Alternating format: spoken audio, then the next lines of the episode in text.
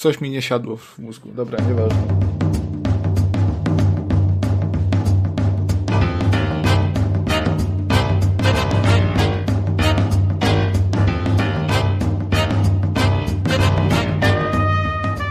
Kurde, ten garnitur to mam tak bez kitu. Dopasowany ma być. po prostu, więc... no, że, że kupiłeś, czy od krawca szyty? Kupiłem, ale to jest jeszcze do przeróbek, nie? Pod, pod, wy, pod mój krok. wymiar. E, poszedł, nie? Więc, więc, ale dojebany jest, kurde, tak wygodny skubaniec. Pierwszy raz, jak ubrałem spodnie od garnituru, to się nie bałem w nich e, siadać.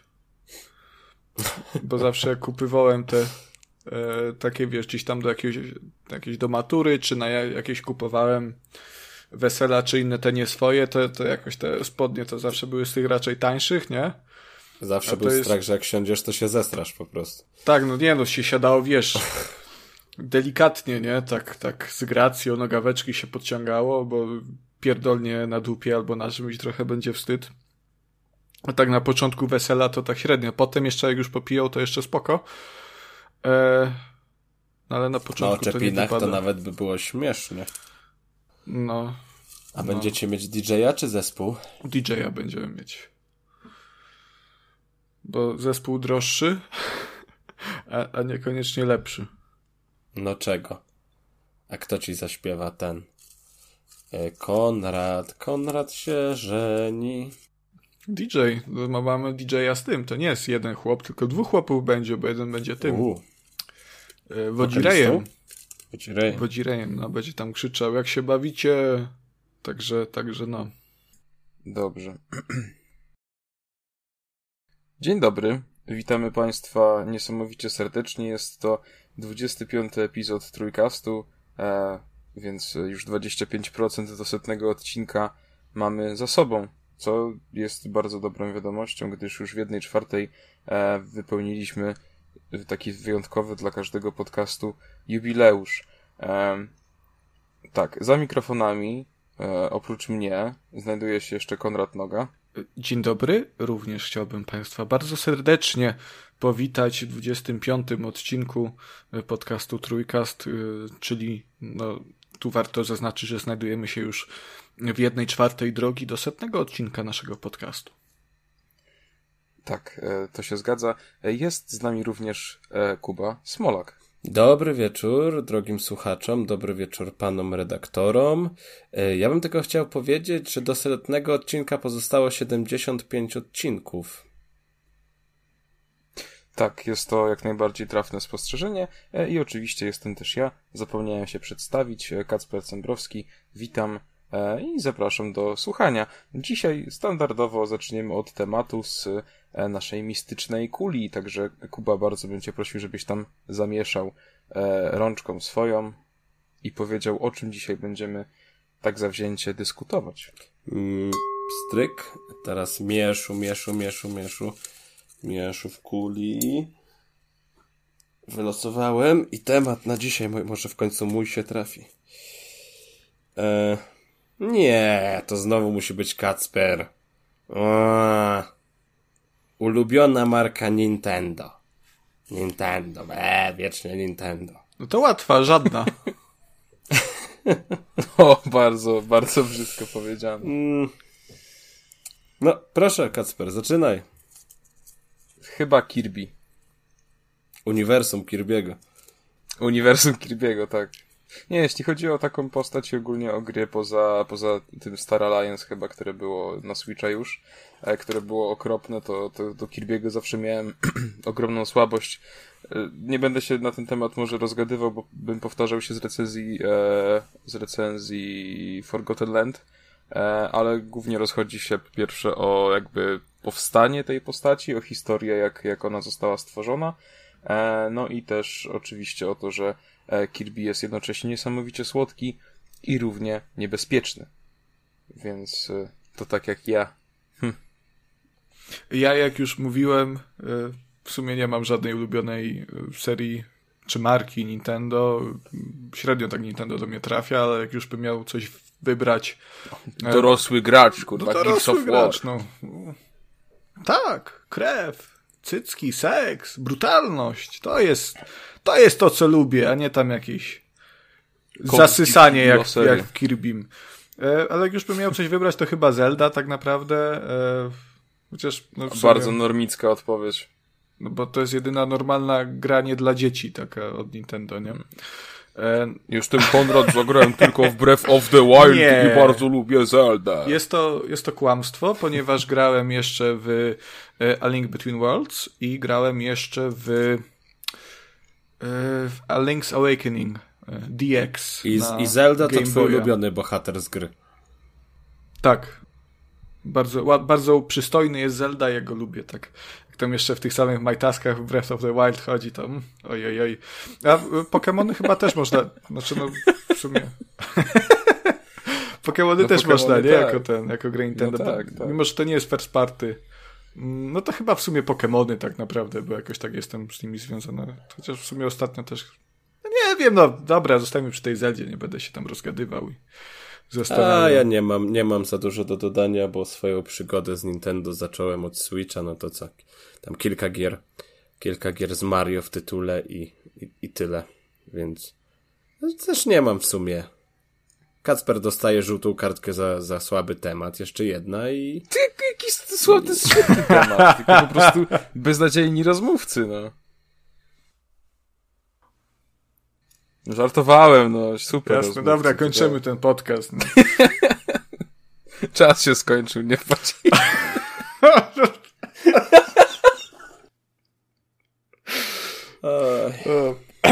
no tak, no także fajny taki temat. To jest tak. Mm. Ale w ogóle jestem niepocieszony, bo nie ma mojego tematu.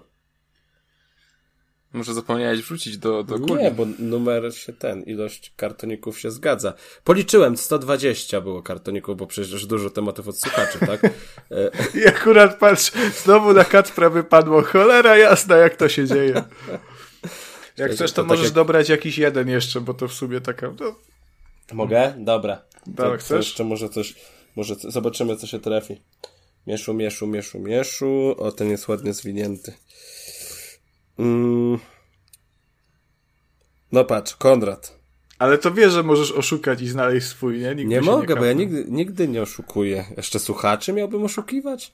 Przecież to by było strasznie niecenzuralne. Ja, Ale tutaj jest... E, oszukiłabyś przede wszystkim siebie. No przede wszystkim. E, pisownia jest zachowania oryginalna. Mm.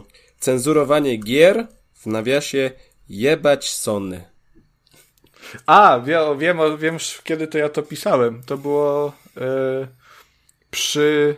W, przy okazji premiery Marta is Dead, yy, o, o, której mówiłem króciutko kilka odcinków temu przy Indykach. E, kiedy Kuba ją polecał i w sumie ja też. Mm. I chodziło o to, że Sony było jedyną platformą, e, jedynym wydawcą, który tę grę postanowił ocenzurować, bo ona tam jest dostępna jeszcze na Xboxach, E, na PC i to jest gra bardzo drastyczna i te niektóre sceny e, są bardzo, bardzo brutalne mm, i tak no nawet we mnie już takim dorosłym graczu, który na gry Nintendo nawet nie patrzy, tylko te girsy, ta brutalność, prawda? E, ja jestem w tym zaprawiony, to nawet na mnie te sceny tak troszkę mnie w taki, w taki nieswój nastrój wprawiły. E, taki przykład samego początku i o tym było chyba najgłośniej. Potem się pojawiają jeszcze inne podobne sceny. E, natomiast powiem tylko o tej, no jest w grze scena, w której swojej martwej siostrze e, przy pomocy takiego jakby nieśmiertelnika na, na łańcuszku wycinamy twarz i potem ją na siebie zakładamy, nie? To jest taka dość no, brutalna no, scena. Przypomniała scena z The Office, jak Dwight tam z manekina takiego, tego ratunkowego wyciął skórę właśnie z No, to, to, to, dokładnie to samo, tylko z trupa, nie? Także no. to dokładnie to samo.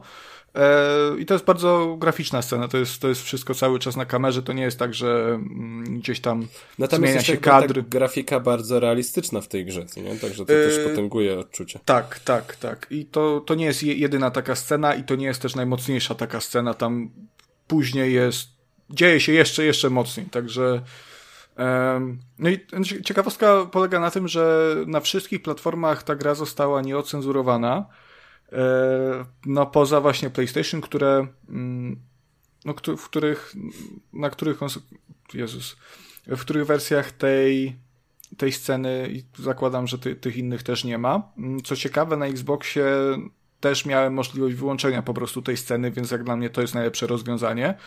Mm, zresztą tak samo jak było z Modern Warfare 2 i, misją No Russian, mm, taką dość no, no, słynną już, nie? I to nie jest, to nie jest tak naprawdę jedyna, y, jedyna gra, przy której tak się działo, że Sony cenzurowało tę grę. E, robiło to, robiło to przy okazji Devil May Cry 5 również, y, gdzieś tam, bo to jest gra, w której występuje nagość, natomiast to jest po prostu nagość w postaci gołych pośladków jednej z bohaterek mm, i na każdej platformie one są po prostu gołe. E, na PlayStation tam się pojawia taki dziwny blask, który akurat te pośladki zasłania, nie?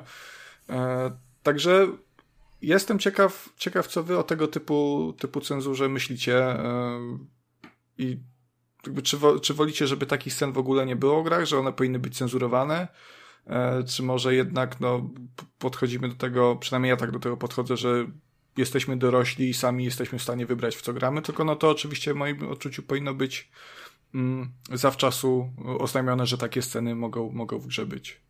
Ale czy wiesz może, czy to, że oni mieli ocenzurowane te sceny, to zrobiło, że ta gra była dostępna, znaczy no tam Peggy było 16 lat, a nie 18? Czy to nie, było i tak? Nie, chyba. To, to, z tego to, co to... pamiętam, to było, były wytyczne Sony. Mhm. No to nie widzę w tym za dużo sensu, bo no bo jeżeli, jeżeli gra jest dla dorosłego widza i informuje o tym, nawet poprzez to właśnie Peggy na okładce, no to, to hmm, jesteś dorosły, wiesz, po co sięgasz. A tak jak mówiłeś, że ta opcja jeszcze wyłączenia poszczególnych scen istnieje, no to już całkiem, jak dostaniesz taką informację, że ta gra zawiera tam brutalne sceny i możesz sobie je wyłączyć w każdej chwili, no to nie widzę, dlaczego mm, cenzurowanie jest jakby narzucone z góry. Nie, ja uważam, że to jest durne, bo uważam, że jakby dzieło powinno do nas trafiać takie, jakie zostało z, z jakby twórcy jakoś się zrobili, chcieli przez to cokolwiek tam, nie wiem, jakieś doświadczenie nam przekazać i, i cenzurowanie tego przez jedną platformę, bo o jej tyłek i brutalność, no to uważam, że to jest bzdura. Tym bardziej to, co powiedział Kuba, no, no mamy PEGI, wie, wiemy po co sięgamy, więc wydaje mi się to bzdurną rzeczą. Na przykład no sobie teraz... Tak, tego typu zagrywek. Analogicznie sobie wyobraźcie, że mamy odcinek trójkastu i mamy odcinek trójkastu ocenzurowany, z którego wycinane są wszystkie żarty. Także to dzieło nie trafia w tej no, formie do słuchacza, w jakiej było przez nas y, zaplanowane. No i taka to jest wielka strata. No nie jest to full experience po prostu i dużo, dużo wtedy by się straciło, uważam. Te, te cenzurujące, dodam jako montażysta, te cenzurujące kwaknięcia, które trafiają do niektórych odcinków, one są planowane już w momencie opowiedzenia żartu, także trafia do was to, co ma trafić, także... Tak, tak, dokładnie tak. Kuba trochę nam tutaj patyk w szprychy włoży. Ale no czekaj, nic, coś kiedyś nie. było z tym kwaknięciem. Stop cenzurze z tym kwaknięciem pamiętam w którymś epizodzie było tak, że że coś tam ktoś, któryś z nas powiedział i to nawet nie było takie straszne, ale doszedłeś do wniosku, że jak wstawisz to kwaknięcie, to że tam będzie sobie można dużo rzeczy w to, w to wsadzić.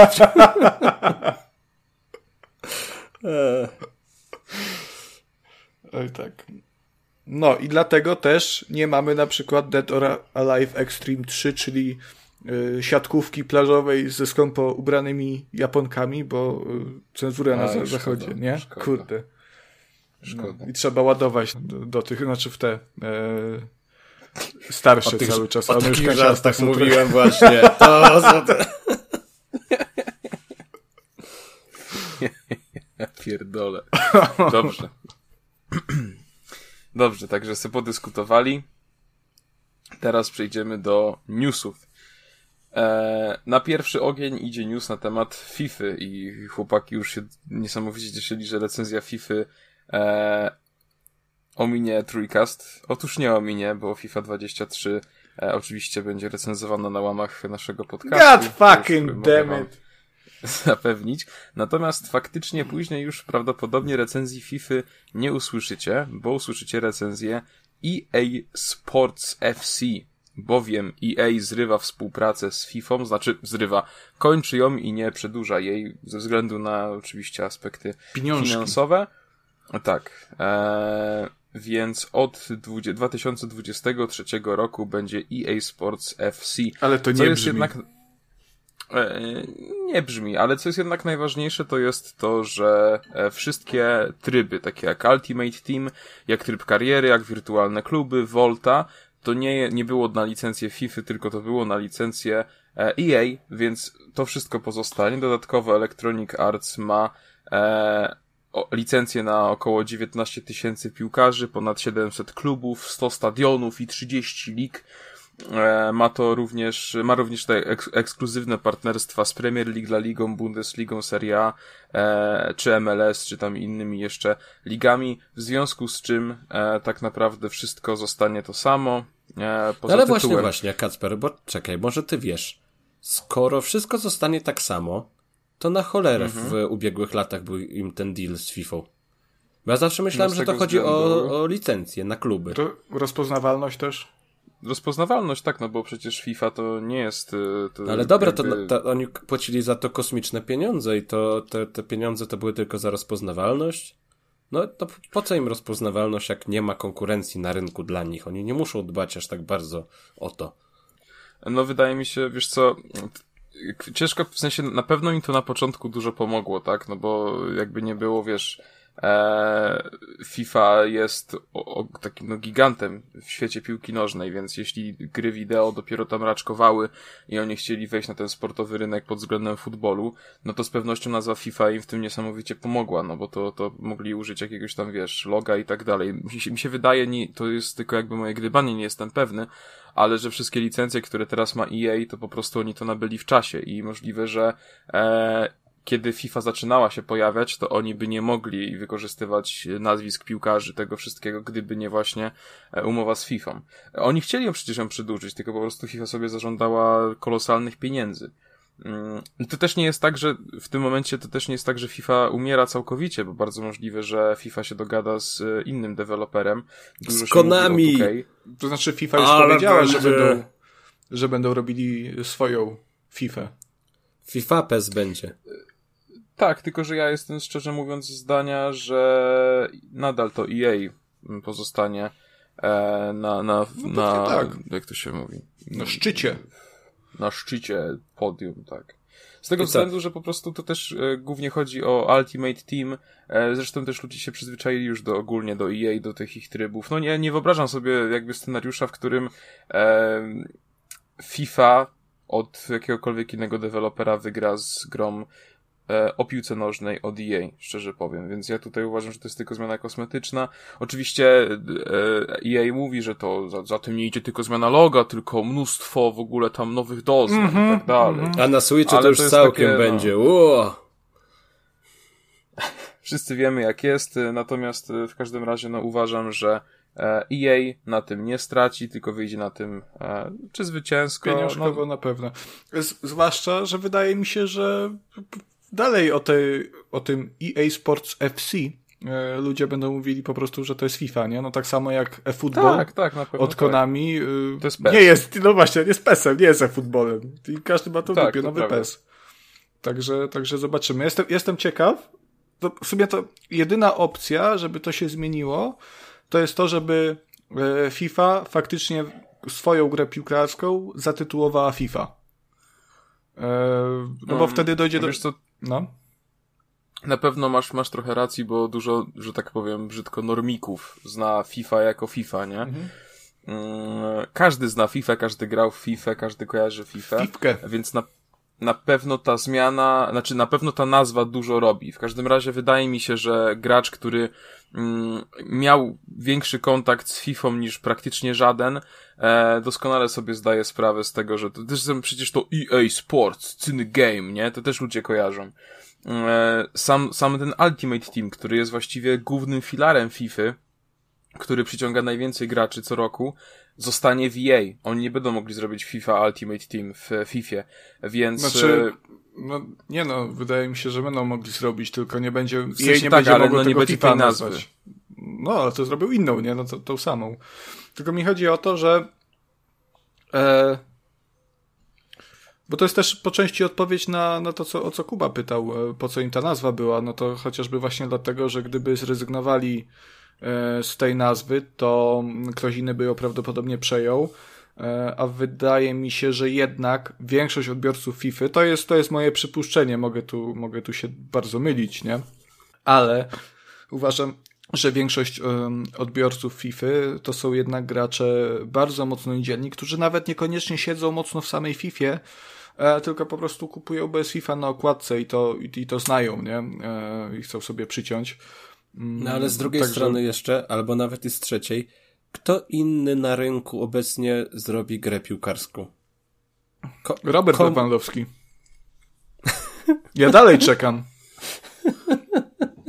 Czy, czy nie? Czy to ma być menadżer, nie? To jest menadżer, czy, czy co to Tak, jest? tak, nie, Kur- to jest A, to menadżer, jest to tylko menadżer. Dalej nie wyszło, dalej nie ma w ogóle informacji o tym. Ja to na już liście na Steamie już od dawna. Jak John O'Fark. Też zaginęło w akcji. Znaczy nie, w każdym, znaczy na pewno ta nazwa dużo robi, nie? Ale wydaje mi się, że mimo wszystko te tryby kariery, szybkie mecze, Volta i przede wszystkim właśnie Ultimate Team to jest y, coś, co nadal przyciągnie do siebie na tyle graczy, że uważam, że EA praktycznie niczego nie straci i mogą być o to spokojni. Tak, tak bym szczylał przynajmniej. Ja tu jak najbardziej się zgadzam. No. To teraz, jako że nie muszą Więc- płacić za, za licencję, to na pewno obniżą cenę gry na jesień. cenę gry i na pewno cenę F, a właśnie już nie będzie FIFA Pointsów, będzie EA Sports FC Pointsów. Mm, A czemu to taki taka- tytuł wybrali? Przecież to tak chujowo brzmi. Mogli się Trochę nazwać tak, Super Soccer. Ja jestem ciekaw, jak, jak to będzie się w Stanach nazywało. Super Soccer. Ale wiesz co? Ja, ja się nie zdziwię, jak, jak w Stanach to się będzie nazywało EA Soccer, czy coś ten deseń. Chyba, że to ujednolicą w końcu. No bo w Ameryce FIFA się nazywała zawsze FIFA Soccer, bo tam trzeba było rozróżnić, nie? Bo football, tak jak sama nazwa wskazuje, futbol to jest, to jest y, jaj, to, to bieganie z piłką pod ręką to w kształcie jaja, nie? Także... No. Tak, dokładnie. Głupi ci Amerykanie? Dobrze, że my w Polsce jesteśmy tacy mądrzy i wiemy wszystko. No. E, Microsoft stracił dwie bardzo fajne pozycje na 2020... No, pf, kurwa, pu. Jeszcze raz. Microsoft stracił dwie fajne pozycje na 2022 rok, gdyż ponieważ Bethesda ogłosiła, że Starfield i Redfall nie zadebiutują w tym roku, a w pierwszej połowie 2023 jednak bez żadnych dokładniejszych informacji. Mm, Jest to oczywiście informacja jak najbardziej smutna, z tego względu, że na te gry bardzo czekałem i nie ukrywam, że też te gry mnie troszeczkę zmotywowały do zakupu e, Xboxa. Panie, jak pan żeś wierzył, że to się w tym roku ukaże, to A to teraz No właśnie, do, do co? sądu możesz ich podać teraz. Ty Xboxa kupiłeś, miały być, nie będzie. Wiesz co, właśnie miałem taką rozkminkę ostatnio, że e, przesuwanie premier w branży gier jakby już nie dziwi, ale cały czas mocno smuci i frustruje tak samo. Mimo tego, A że mnie w ogóle nie smuci. Mnie i nie też, ja mam- frustruje. ja mam Jakbyś taki mi powiedział- backlog. Jakbyś mi powiedział, że, no nie wiem, chcę sobie jakąś grę kupić jutro i byś mi dzisiaj wieczorem powiedział, że ja jej jutro nie mogę kupić, to wtedy może bym posmutniał. Ale jak mi mówisz, że nie kupię jej na jesień, a kupię ją dopiero zimą, to w ogóle mnie to nie rusza. Przecież te gry No nie miały nawet taki- daty premiery. Nie, nie było ani żadnych nie. Star, Starfield miał Jaką? 11 listopada. Już 11 listopada miał być? No proszę. Tak, ogłosili. A Redfall miał wyjść e, e, Pepe wiosną chyba, albo latem. Mówili, że chyba w, la, w lato. Co to jest ten Redfall w ogóle? Redfall to jest gra, mój kochaniutki, od twórców Dishonored, czy niedawno wydanego, e, recenzowanego na Aha, a to gówno, to jakiś ten taki E, koopowy jakiś. Battle Royale czy inne takie. To z, wampir Znaczy to- z wampirami, tak? Z wampirami, ale to jest, znaczy nie, to jest, wydaje się całkiem fajne, bo to jest taki FPS-ik, Es- pierwszoosobowy. E, I generalnie gra przynosi nas do takiego świata, gdzie wampiry zawładnęły wszystkim, doprowadziły do, do, do zaćmienia słońca, przez co w ogóle ludzie są. Mm, jest niewiele, niewiele pozostało ocalałych ludzi, w każdym razie no, ukrywają się przed wampirami e, i my wcielamy się w śmiałka, który e, chce właśnie odkryć całą tą intrygę, pokrzyżować ich plany i sprawić, żeby Massachusetts e, było znowu normalnym, fajnym miejscem, a nie... Przecież, ale tam jest Max Kolonko, to czy jakim normalnym, fajnym miejscu Kurwa, ja nie... To jest enklawa polska. Massachusetts, dobrze. A Starfield to jest y, Skyrim w kosmosie, tak, nowa IP Bethesdy, pierwsza od 25 lat, tak. To jest chyba też Więc... ich pierwsza nowa gra od pierwsza od 25 lat. Tak. Tak, w sumie racja. Więc, e, więc szkoda. E, tak jak Konrad mówi, no niby człowiek wiedział, a jednak się łudził. Ja żebym się nie łudził, e... ja żebym miał w dupie, no pytanie, no mówię. Ja... Natomiast mam, mam też troszeczkę wrażenie, że ta pierwsza połowa 2020... Kurwa, co jest dzisiaj ze mną? Ja nie wiem właśnie, no też się zawodzę cały czas. mam wrażenie, że ta pierwsza połowa 2023 to i tak jest bardzo takie optymistyczne założenie. E, no, ale cóż, obym się mylił e, i, i żeby mi pokazali, że, że się nie znam. W każdym razie, no nie, niemniej szkoda, tak i dwie fajne gry w Game Passie mniej. Jeszcze Stalkera 2 przełożą znowu na przyszły rok i w ogóle nie będzie ten Game Pass do niczego potrzebny, za to dobrze, że będzie PlayStation Plus Premium ze streamingiem o, elegancko. O, właśnie, bo to żeś mnie uruchomił teraz, bo yy, a propos Game Pass nie będzie teraz do niczego potrzebny. Właśnie ostatnio się przy okazji tych opsów na Twitterze się pojawiły dyskusje i widziałem hasła, że yy, no teraz to Game Pass jest bez sensu, wszystko poprzesuwali, i o, i gówno jest, tam jest kilka dobrych gier, a, reszta to jest gówno i średniaki. Ja sobie tak siedzę i myślę o tym Game Passie i tam jest 400 kurde gier i to przepotężne, no plus te premiery, co jest fajnym bonusem, ale mam wrażenie, że ostatnio ludzie się zafiksowali na tych grach premierowych i jeżeli coś nie trafia na premierę do, do Game Passa tylko później, no to już Game Pass nie jest niczego warty. To to samo z tym z odpowiedzią Sony na Game Passa, nie? Z tym chuj wie, jak to się nazywa, tym nowym plusem. E... Tak, ale to właśnie powiem ci, że zrobiłeś mi bardzo smooth przejście, bo przygotowałem sobie jeszcze jeden temat e, na sekcję newsową właśnie w tej sprawie. O. E, to tak, był mój plan. O... No to kurwa sprytny. E, ostatnio wiceprezes wykonawczy Sony, czyli mężczyzna, który się nazywa Hiroki Totoki, e, zabrał głos w sprawie właśnie wprowadzania gier na premierę do usług abonamentowych. E, I mężczyzna bardzo odważnie powiedział, że e, powiedział, że według niego e, wprowadzanie właśnie gier na premierę do, do PlayStation Plus Premium czy do Game Passa zni- obniża ich jakość, ponieważ inwestycje, które po, normalnie poszłyby w grę, e, w ten sposób muszą iść na E, sprawy abonamentowe. I też pośrednio właśnie nawiązał do Microsoftu, ponieważ swoją wypowiedź zaczął od tego, że powstrzymał się od komentowania strategii konkurenta. No, zacznijmy od tego, że yy, no, gdybym tym prezesem był Sony, tym prezesem wykonawczym, też bym się martwił o spadek jakości y, gier ekskluzywnych na PlayStation, ponieważ no ta jakość już jest wyjątkowo niska, tak czy tak, więc jakby jeszcze spadła. Jezus, przestań, tak mówię. No. Nie, no to jest takie pierdolenie po prostu tak naprawdę. No jest. Dla mnie to jest taka, wiesz, takie sprytne po prostu wyjście z tego, że no nie, nie będziesz miał Ragnaroka za, za frajer, nie? Jak sobie kupiłeś ten. I to musimy coś wymyślić, to nie, nie byłoby tak dobre. No to, to się nazywa dyplomacja. To, to, się nazywa wiara we własne studia, nie? No, także, no, by, by, były projekty dużo, dużo droższe, yy, które jednak się wypierdalały na ryj, więc no, a nie były w Game Passie na, na premierę, nie? Nie wiem, patrz Cyberpunk chociażby. No, no nie, to już tutaj uważam, że to raczej takie trochę głupkowate gadanie, no ale... Ja sobie odhaczę tylko Cyberpunka z dzisiejszego odcinka. Dobra. Tak, już, już, już był. Mieliśmy, dobrze. mm, kolejnym newsem jest to, że wyobraźcie sobie, znaleziono zardzewiałego Xboxa 360 na plaży i okazało się, że pira piraci wolą zielonych. Tak w ramach ciekawostki. E, przechodząc dalej. Jak zardzewiał, to chyba właśnie nie wolą, nie? Ale... Ale gdzie, na jakiej plaży? A nie wiem, powiem ci, że... W Ciechocinku chyba nie. W Ciechocinku jest plaża? Nie wiem, no jak nie ma, to na pewno nie, no to... My jeszcze jesteśmy trochę za młodzi na Ciechocinek, ale obczajcie ten klimat, a nie, bo Kacper to jest dużo młodszy, to ja już jak Kacper No dawaj, będzie musiał jechać do, jak Kacper będzie musiał jechać do Ciechocinka, to mnie już z wami nie będzie, to, to, nie, tak wiesz, nagrywanie podcastu w Ciechocinku, tak.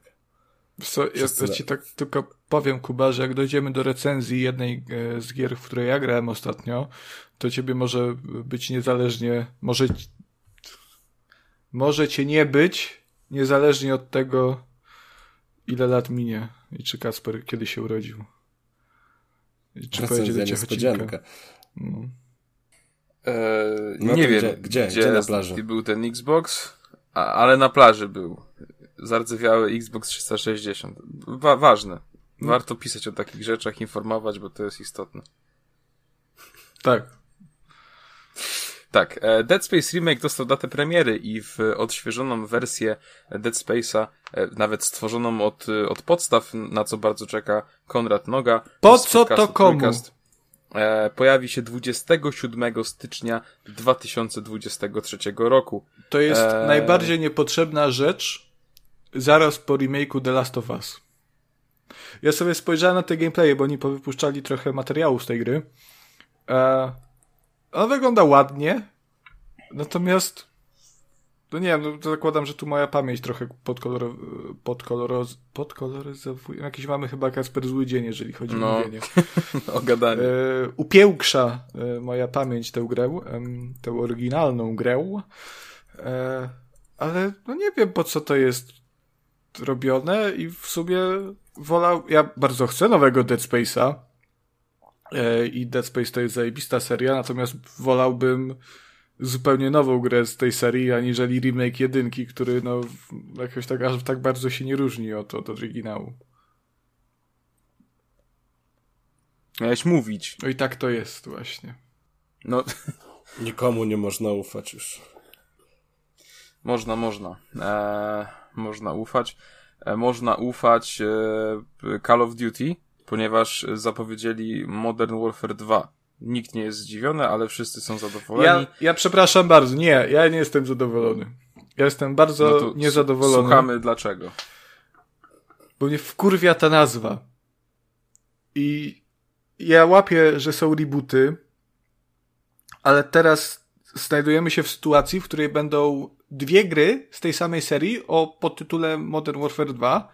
I o ile jeszcze z pierwszym Modern Warfare ten tytuł miał sens, jakiś taki, wiesz, chronologicznie, bo tam nie było, bo w oryginalnym Modern Warfare była czwórka jeszcze w tytule, nie? To było Call of Duty 4 Modern Warfare. Mm, Nowe to było po prostu Call of Duty Modern Warfare. To teraz mamy Call of Duty Modern Warfare 2 z 2009 roku i Call of Duty Modern Warfare 2 z 2023 chyba, tak? Bo w 2022 ma nie być nowego Call of Duty. I Tak, tak mówiono. no szlak nie trafia. Ja, wiesz, już mnie Ale wystarczająco Konrad, ty się wkurzają. denerwujesz, ty się denerwujesz, ale tak na dobrą sprawę. Ile na świecie jest słów, które można by połączyć w jakiś fajny tytuł? No tego się nie da tak, wiesz. No to, to skomplikowana sprawa jest. To no i może- tak wyszło po prostu. To no. może trzeba było o tym myśleć, zanim się zaczęło napierdalać Call of Duty w tym yy, trybie corocznym, nie? No nie, no mnie to denerwuje, bo potem jako użytkownik i osoba, która w tych grach siedzi w jakichkolwiek dyskusjach, trzeba będzie potem pisać, że no to nie chodzi mi o to Modern Warfare 2 z 2009 roku, tylko to o tym z 2023 roku. Za, za 10 lat dostajemy kolejny kurwa reboot, i będziemy mieli trzecie Modern Warfare 2.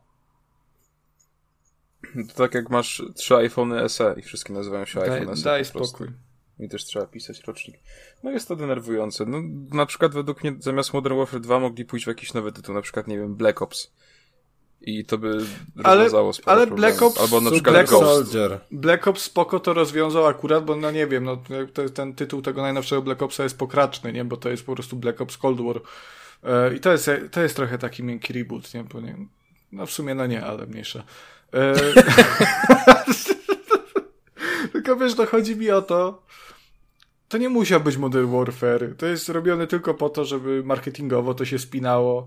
Ale to jest tak bardzo niepotrzebne i tak bardzo no nie wiem, no mnie to wkurza po prostu jako gracza. Mnie wkurza ten God of War, który, którego czwarta część, ta główna, jest znowu God of Warem bez podtytułu i trzeba rozróżniać. Wkurza mnie Prey, który nie ma podtytułu, mimo że jest kurwa drug, drugą częścią serii, od razu jest rebootem.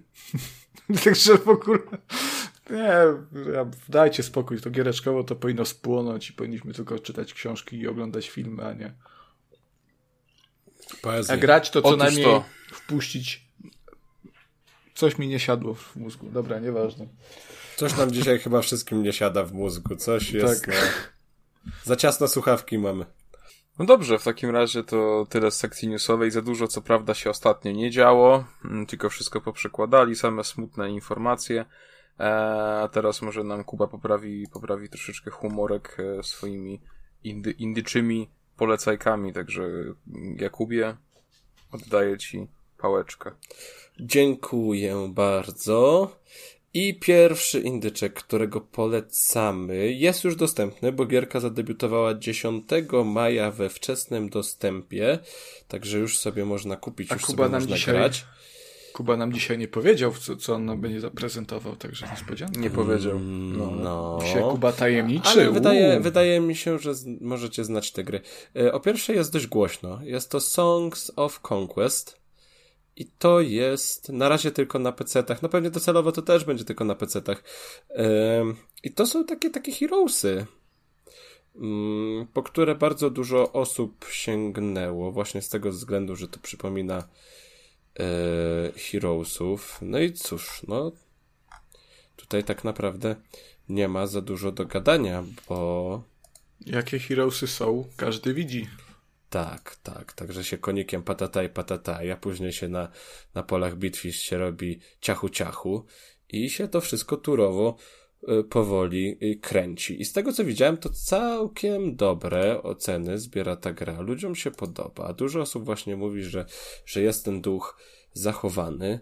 Y, no i cóż, no, Early Access na takiego rodzaju grę to jest jak najbardziej dobry pomysł, bo tam i można jakieś rzeczy w balansie E, poprawić, można coś dodać, czego będzie brakowało.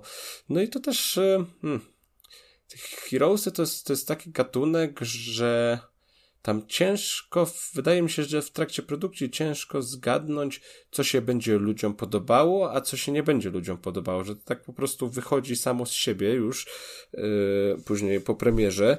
No a jak mamy taki early access, to można to tam sobie na bieżąco modyfikować i po jakimś tam czasie oddać w ręce graczy taką, no, grę, grę skrojoną dla nich. Także to może się jak najbardziej udać. Jeszcze nie miałem okazji zagrać, ale przymierzam się. Także nie wiem, może w przyszłości, w nadchodzącym epizodzie, nadchodzących epizodach opowiem o tej grze. Chciałbym, przynajmniej. Zobaczymy, zobaczymy, co z tego wyjdzie. Eee, podejrzewam, że to, to Konrad nigdy nie grał w Heroesów. Nie, grałem. No jak grałem przecież... y, w Heroes of Might and Magic 5. Dzikie hordy. nie, to się nie liczy. To się, to się liczy albo dwójeczka, albo trójeczka. To innych nie ma. Ja grałem w trójkę dużo jeszcze, jak do szkoły chodziłem. Poważnie? W salach info. No. A, bo to, na komputerze to nie, nigdy. To by ten... No, w, w salach informatycznych grałem w CSA 1.6 i właśnie w Heroesy trójeczkę. I Heroesy mi bardziej siadły jak CS. CS jest beznadziejny. Słaby byłeś po prostu, przyznaj się. Nie, po prostu gra mi się nie spodobała. Ja byłem mm -hmm. doskonałym graczem. Zresztą zostałem zaproszenie na. E... Na Mistrzostwa Świata. Chciałem... Nawet nie wiem, jak się nazywają te turnieje, dobra. Nie będę w to brnął. Na, mis... na mundial CS-owy. Ale CS Tournament. Na ESLA dostałeś zaproszenie. Prostu... Tak, na IM w Katowicach. Ale stwierdziłem, Zapraszamy że prostu... pana do wzięcia udziału. ale mówię, gra mi się nie podobała, sobie myślę, nie będę sw swoją doskonałością wspierał gier, które mi się nie podobają. Ale Heroesy fajne, tylko że na, na, z Heroesów nie zaprosili. Ale fajnie, fajnie. lubię grę, natomiast y, w to, co polecasz, pewnie nie zagram. Ostatnio się też taki indyczek ym, podobny pokazał, ukazał, to się chyba nazywało y, Heroes Hour, coś takiego. To takie, pik, takie pikselowe Heroesy. Tak, właściwie co, te dwie gry mi się strasznie mylą i tak jak usłyszałem o Songs of Conquest, to myślałem, no, że już to ale wyszło. one całkowicie inaczej wyglądają. Ym, mylą się prawdopodobnie dlatego, że są obie porównywane do, mhm. do, do Heroesów. A tam to wiem, że taką główną różnicą było to, że raz była bardzo pikselowa oprawa graficzna, a dwa, że tam walki działy się, dzieją się w czasie rzeczywistym. To nie jest turówka. Także to się jakoś tam, tam dużo bardzo tych jednostek, z tego co widziałem na jakichś tam materiałach, naciera na siebie tych pikselowych żołnierzyków i się, i się tam tłuką w czasie rzeczywistym. Także to trochę, yy, no jakby nie pasuje do koncepcji, do koncepcji Heroesów. A druga gra, którą chciałbym wam polecić, to jest Dolmen. E, I to jest gra, która zadebiutuje na rynku 20 maja i będzie dostępna na PC-tach, na Xboxach i na PlayStationach. I to jest taki akcyjniak. To nie są solsy po prostu takie? Tak, ale znaczy, no wiesz, teraz jak to się podpina wszystko pod solsy, że znaczy, tam, no jak masz tak tego, trzecioosobowi... Co... Z tego co pamiętam, to Robert o tym pisał. Kiedyś pozdrawiamy Roberta. A dawno nie było, tak, pozdrawiamy Dawno Roberta. nie było, no. E, tam mogą, mogą to być solsy, ale nie wiem, czy to będą aż takie hardkorowe solsy. Nie wiem, czy to nie będzie bardziej taki ak akcyjniak. Mi to bardziej tak e, klik, klimatem mi to wygląda na właśnie Dead Space wcześniej wspomniane. No ale to nie, wiesz, to, to są, nie, solsy to... są w różnych, y, w różnych kształtach i rozmiarach, nie? I, klimatach. Tak. To taki tak, trochę hell, Hellpoint, do, do Hellpointa bym to no, no, jeżeli w ogóle ta oprawa, oprawa wydaje mi się trochę taka generyczna, nie wiem, szczególnie jeśli chodzi o głównego bohatera. On jest jakiś taki w tym kombinezonie, to nie za bardzo do mnie przemawia, bo to jest taka, taka dość sztampa trochę, to jak on wygląda. Um, no ale nie wiem. Będę miał w to okazję zagrać i najprawdopodobniej zrecenzować w przyszłości. Więc, więc, więc, więc zobaczymy, co z tego wyjdzie. No troszkę jest e, intrygujące to, że fabuła i w ogóle ten świat gry ma być inspirowany Lovecraftem. Także zobaczymy, co tam się będzie działo w środku. To z, w ostatnich latach z tym Lovecraftem to jest też tak, to, wszystko jest To już nie znaczy nic. co chwilę. Tak, jak się pojawia ośmiornica, to jest o kurwa Cthulhu, Lovecraft, patrzcie, inspiracje. Jest taka gra na Steamie. Ona się nazywa, jeszcze nie wyszła, jest demo. Można ugrać, jak ktoś chce. Mulander. E, nie, Operation Lovecraft Fallen Doll. I to jest gra, w której można cimci-rimci z jakimiś takimi Lovecraftowskimi potworami. Także jakieś macki, prawda? Jakiś taki dziwny piesek. E, kolega mi mówił, że takie coś jest. To tak z opisu tylko tak na Steam to, to, to, to, wiesz, tak? Nie zaglądałeś tam. Tak, tak, tak. Nie, nie, nie. nie. No i w Dolmenie trafimy do kosmosu i będziemy brać udział w zręcznościowych walkach. Także no, Niewykluczone, że będą to solsy. Zobaczymy po prostu, ile będzie solsów w solsach. Nie wiadomo. A jeszcze. Zobaczymy. A jeszcze jest trzeci indyczek i z tego co wiem, trzeciego indyczka przygotowali dzisiaj państwo. Aha, bo to są te jajca śmieszne, tak? Teraz wchodzimy, znaczy, tak? Nie wiem, czy tam, tam miały być stópki, nie jajca. To są to w sumie trochę bardziej smutne takie niż śmieszne, ale... Je, jedno nie wyklucza drugiego. To jest tak, bo y, o tym Operation Lovecraft też mówię poniekąd dlatego, że ono mi się wyświetla y, jako podobne tytuły, bo, te, bo teraz... Yy, Podobne no, do w których grałeś i tam są tam 120 nie, to, godzin, to są... 250 godzin. Podobne tytuły do tego, co teraz mam na karcie Steam. I to jest kolejna dziwna gra, którą znalazłem. E... No bo internet słynie z tego, y, że w internecie są stópkarze. I jakby, okej, okay, to jest spoko, nie? Każdy Ale tylko w internecie, tak? No nie, no na świecie też, ale w internecie ci stópkarze przyjmują bardzo często taką bardzo dziwną formę, e, że jak na Instagramie sobie wejdziesz gdzieś w komentarze i tam jakieś żeńskie instagramerki, to tam bardzo często tam jakieś się przejawiają, zwłaszcza jak ma te, te, te bose stopy, y, że tam a, takie, takie stópcie idealne, takie tak. A czy powiem ci, Konrad, a. tak, ja mam Instagrama, zdarza mi się przeglądać, ale jeszcze nie zabrnąłem w takie rejony, żeby ktoś się tam stópkami, to, to nie wiem. To nie, nie trzeba... Wiem jak, nie wiem, jak ty bardzo tego szukasz, to nie, trzeba by się nie zastanowić. Trzeba... Łowię komentarze, tak. Nie trzeba się zagłębiać w, w Instagrama, no. Jeżeli jest Instagram i kobieta, to je, je, prawdopodobnie jakieś komentarze o stopach się pojawią i to jest strasznie kurwa creepy. E, no i na Steamie można kupić grę za 17,99. E, gra nazywa się Food Odor Girl. I to jest gra, tutaj sobie przetłumaczę szybko opis, o bohaterce, która lubi sport. Przepraszam, bohaterce, która jest kobietą, dziewczyną i lubi sport. Aczkolwiek, no, bardzo problematycznym jest fakt, że e, po ćwiczeniu mm, jej prawda, odzież e, nożna, mm, czyli prawda, jakieś rajstopy, e, skarpetki. Odzież na sklep, sklep z odzieżą nożną. Tak. Robią się bardzo mokre przez pot i wydają taki unikatowy zapach. E, także ja wam to w ogóle wyślę linka do tego, żebyście to mieli teraz. Nie trzeba.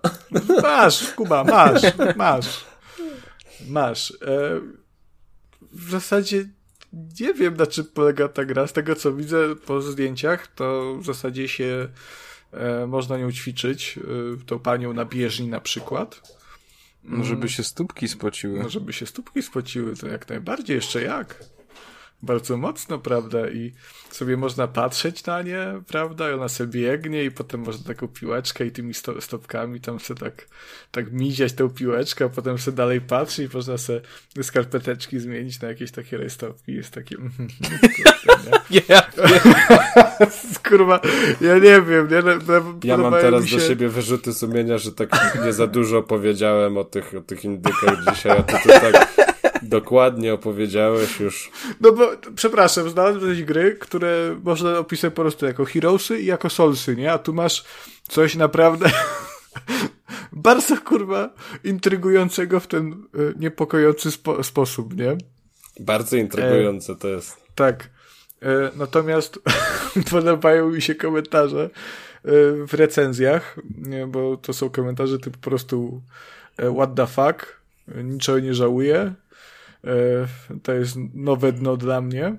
Mm, także bardzo ciekawa rzecz. Co ciekawe, to jest gra chińska, Kuba, sądząc po znaczkach. Także to jest od ciebie z kraju. Mm, to jest gra autorstwa MX Nice Games, tak? Tak, MX Nice Game. Ona się ukazała 25 lutego 2022 roku, więc to nie jest nowa premiera. Natomiast to jest y, gra w stylu What the fuck. Ale jakby Food Odor Girl wam się spodobała, to 20 y, maja tego roku wychodzi... Zapraszam do siebie na bloga. Nie. 20... Na Instagrama. 20... 20 maja wychodzi kolejna gra od tych samych twórców, która nazywa się y, Cook OL. I trochę nie rozumiem tego, ale Kukol. to jest chyba pani. Kukol, tak. Kuk czy kok? I to jest, to jest też gra dla stópkarzy, bo to jest gra, w której pani wraca z pracy w biurze, w szpilkach, no i zdejmuje te biedne szpilki i ona ma te rajstopy i ją tak bolą te sto, stopki, to trzeba wymasować, nie? Także i mo można tam paluszkami ruszać z tego, co widzę w opisie. Nie, weź, dobra. ja nie wiem. Steam, Steam pod względem e, dziwnych kurwa gier, e, mocno zabarwionych erotycznie, Właśnie wydaje mi się, że przed, przed tym taką, przed tym bardzo dokładnym opowiadaniem powinieneś powiedzieć, a teraz zamknijcie oczy. Nie, nie, teraz nie. Teraz nie. Ja jestem tak zmęczony, że jakbym teraz zamknął oczy, to już bym nie otworzył, także... Trójkast segment erotyczny. No tak, także jak, jak... Możecie ściągnąć rajstopy, Ale ta gra, nawet, ta gra nawet nie jest jakoś ładnie wymodelowana, żeby te stopy były w jakiś sposób... Yy Nie wiem. Patrz, mamy, mamy konesera tutaj. Wychodzi stópkarz. Prawdziwy.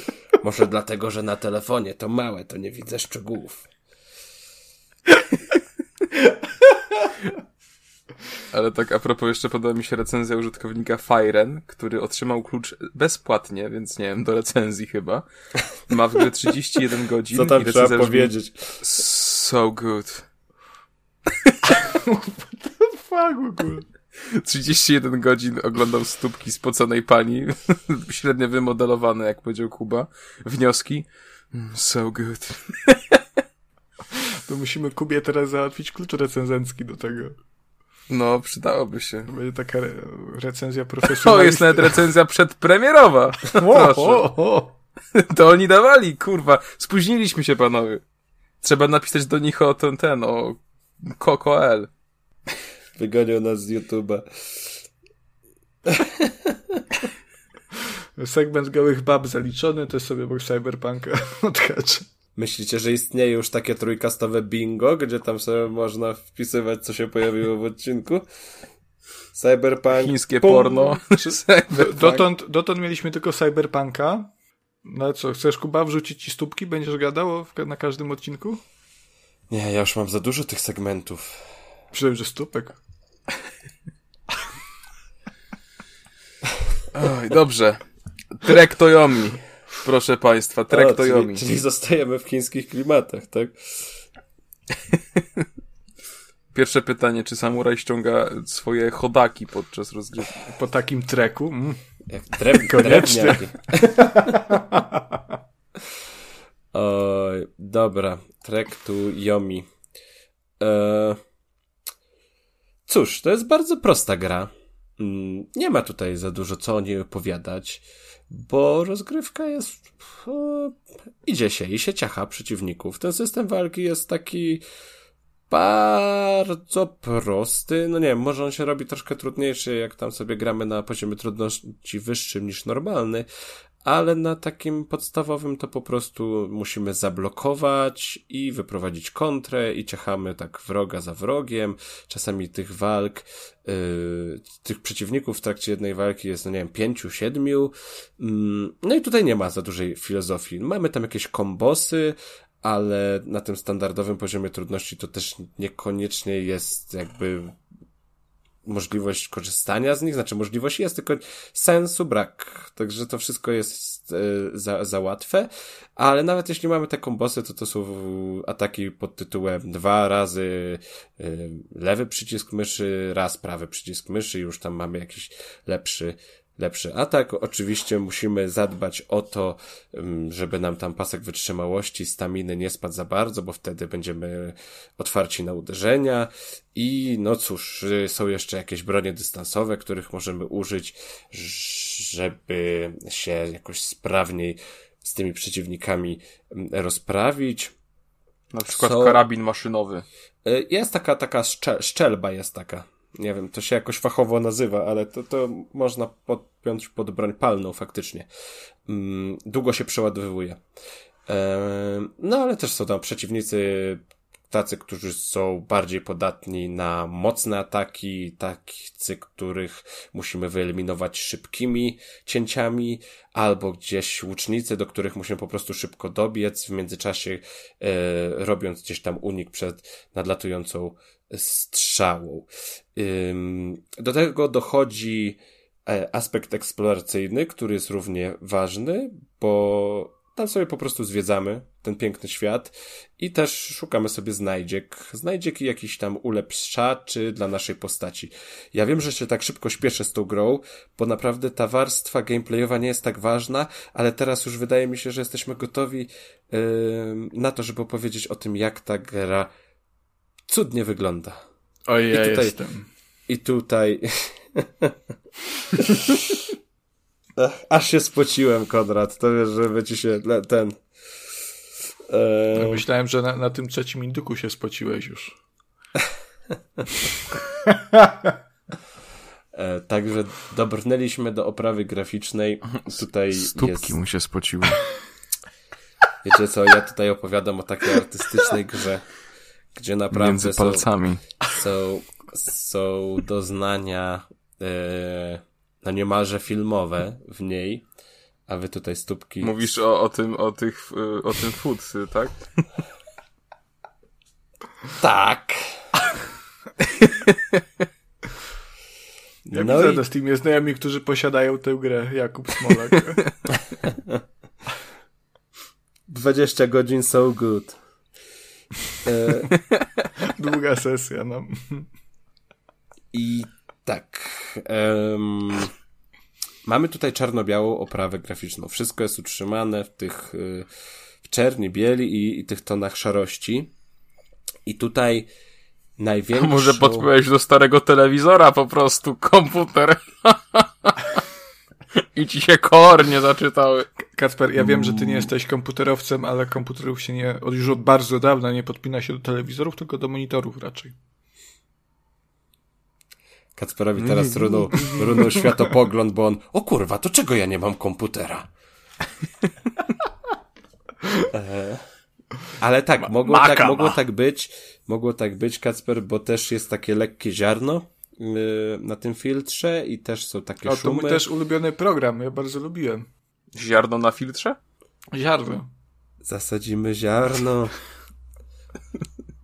Eee...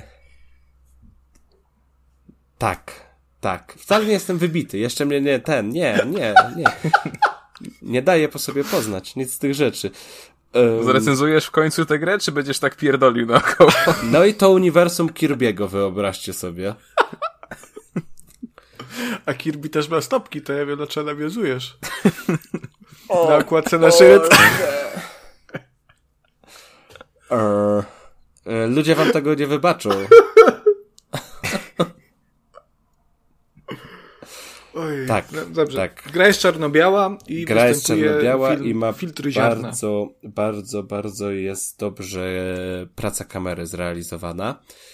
I w każdej lokacji. To jest taki troszkę, no nie wiem, przygodówkowy styl. Tam jakoś, że ta kamera jest zawieszona i my jak sobie wchodzimy do lokacji, no to mm, ta perspektywa jest taka z góry jakby narzucona nam. Więc y, to się na przestrzeni gry bardzo często zmienia. I w sumie A każda to czekaj. odwiedza- To jest takie bardziej rezydentowe, czy to jest. Po, bo wydawało mi się, że to jest taka gra od boku tylko. Nie, nie, nie, to nie jest taki, taki czysty y, side scro- scro- scroller, bo te walki są w takim dwuwymiarze. Bo faktycznie mamy tam jednego przeciwnika z lewej, jednego z prawej i się musimy, wiesz, obracać y, na te dwie strony i tam odbijać, atakować i tak dalej. Ale ten eksploracyjny już jest w takim, no, mamy tam głębię tego, tej lokacji, takie, tak, tak sobie możemy tutaj gdzieś zajść, wejść w boczek, tutaj się możemy gdzieś wspiąć, tutaj gdzieś sobie pójść do przodu, do tyłu, na różnych planach, na różnych, na różnych perspektywach. Yy, to bardzo, bardzo ładnie to wygląda, bo też te cała ta, ta gra, świat tej gry, te, te, te, mm, ta odwzorowanie tej Japonii, to jest wszystko y, świetnie zrobione i ta gra jest w dość ciężkich klimatach, bo tam ciągle jest jakaś wojna, tam się ciągle zabijają, tam ciągle gdzie są ludzie, którzy płaczą, bo wymordowali im rodziny i tak dalej. No i to, to, to stwarza taki spójny klimat takiej dramatycznej opowieści.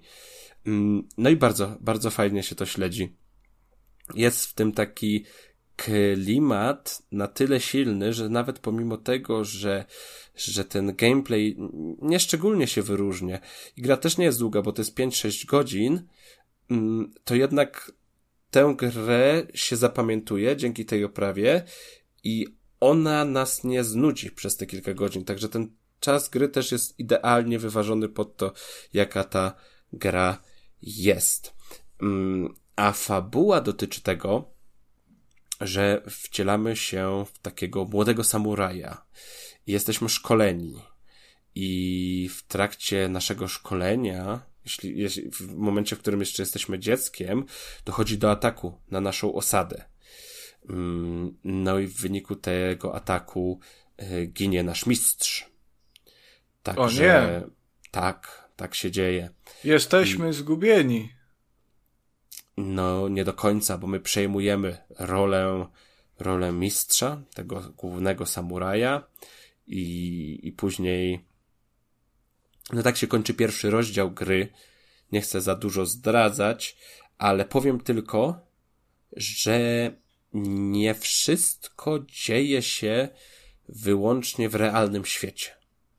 Będzie tam taki wątek magiczny, a jeżeli mamy takie wątki paranormalne i japońską kulturę, no to też tutaj się zaczynają takie rzeczy różne z duszami, z yoka i tak dalej.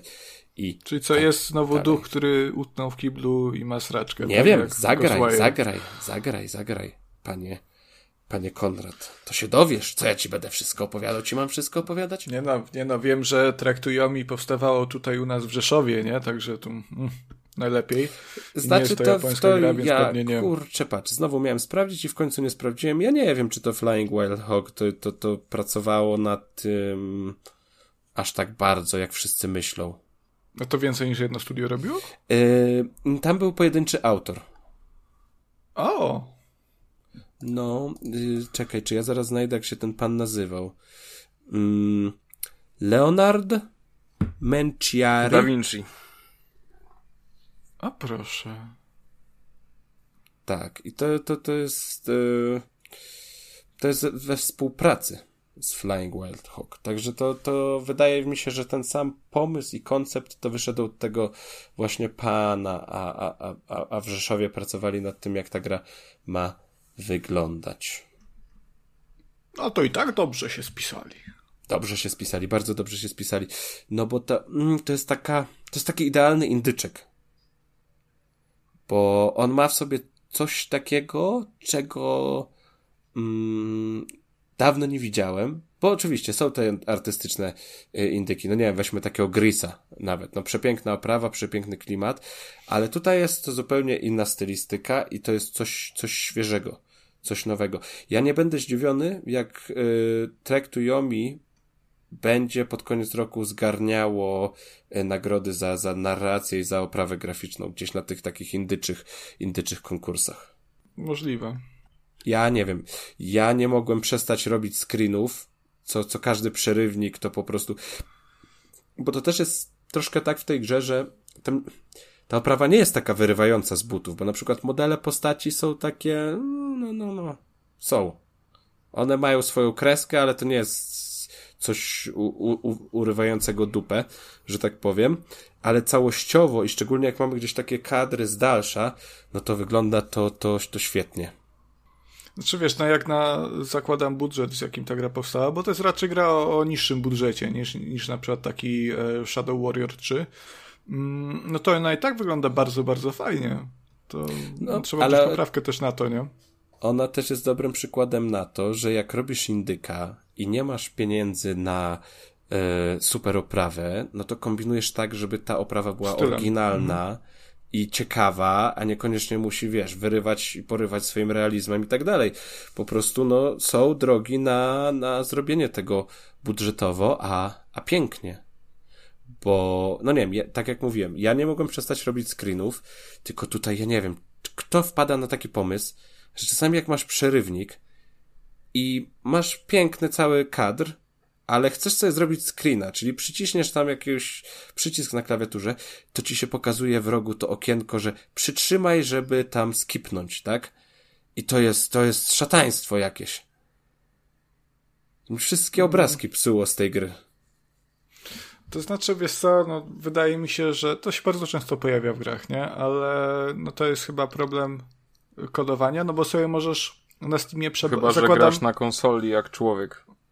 zakładam, że na Steamie sobie to... No, Kasper, Sony dalej nie potrafi w... załapać tego, że nie potrzebuje na screenach wszystkich systemowych na przykład, kurwa, e, powiadomień, nie? Także to jest też fajne. Także konsole nie są od tego wolne.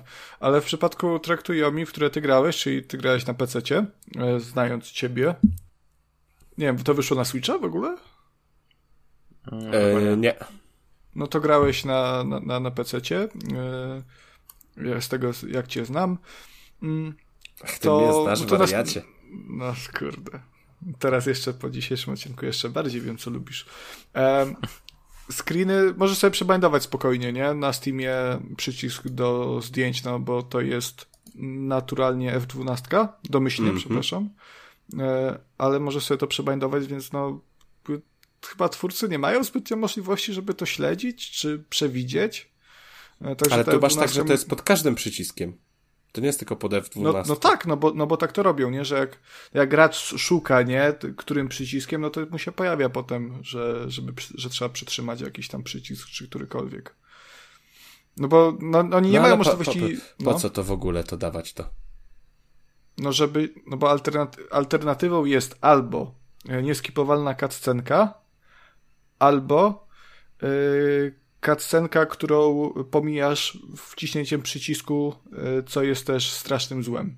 Ale nie, możesz na przykład wydarzyć się tak, że naciskasz przycisk, cutscenka cię zatrzymuje i się pyta, czy chcesz pominąć. I masz tak, nie. Bam.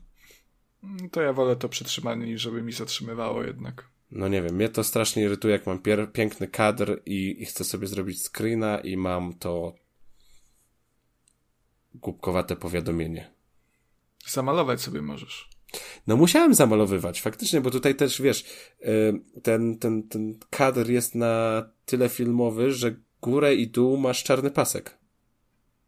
No, Także na czarnym nie było problemu żaden problem. Z, za, z zamalowaniem tego, no ale y, to też mnie strasznie denerwowało chyba w ostatnio recenzowanym Itorach, bo to też piękna gra i tam też zawsze się to gdzieś pojawiało w międzyczasie.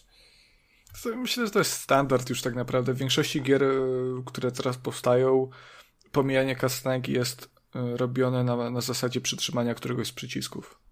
Wiesz, też mnie to wkurza czasem, nie? Jak robię zdjęcia do recenzji czy coś, ale to nie, nie jest na, na tyle duży problem, żeby jakoś to, nie wiem, od tych samych zdjęć odbierało, nie? Dobra, to ja jeszcze tylko tak na szybko podsumuję Trek to. Yy, to jest gra, doświadczenie, jeżeli ktoś liczy tutaj na soczysty gameplay i walki, nie wiem, w soulsowym albo nawet jakimś platformowym stylu, które będą zręcznościowe i wymagające, no to, to raczej nie tutaj. Może na wyższym poziomie trudności to się robi troszeczkę bardziej wymagające, ale to też nie jest na tyle złożona produkcja, żeby to w jakiś sposób zainteresowało wyjadaczy gatunku. Także jak najbardziej proszę się tutaj nastawić na 5-6 godzin takiego interna... Nie, no też to nie jest interaktywny film. To jest taka... To jest taki indyk. To... tak to naj... najłatwiej opisać. No bo sobie możemy chodzić, możemy sobie eksplorować, ale to jest wszystko e, spokojne, ładne, e, przyjemne, wolne, no takie doświadczenie artystyczne. Bardzo dobra gra do tego, żeby podnieść dyskusję, która często wraca, czy gry to sztuka, czy nie. Także myślę, że tutaj Trek to mi jednak udowadnia, że tu bardzo gry coraz bardziej zaczynają przypominać sztukę i mogą przypominać sztukę. To wydaje mi się, że też taką grą może być e, Arise A Simple Story. tak, e, może taką być, to prawda. A są, a są stópki? A spocone stópki tam są? Nie, nie, nie, nie ma. ma, ale mimo wszystko może być taką. To dobrze, to jak nie ma, to możemy przejść do następnej gry. E, Generalnie wszystko ma swój początek i swój koniec, prawda? U stópek, tak? To tam u stópek się dzieje, Konrad. Kuba, proszę, schowaj te swoje gówniarskie zachowanie do kieszeni i daj rozmawiać na pewnym poziomie. Dobrze? A o czym będziemy rozmawiać? O stópkach będziemy rozmawiać?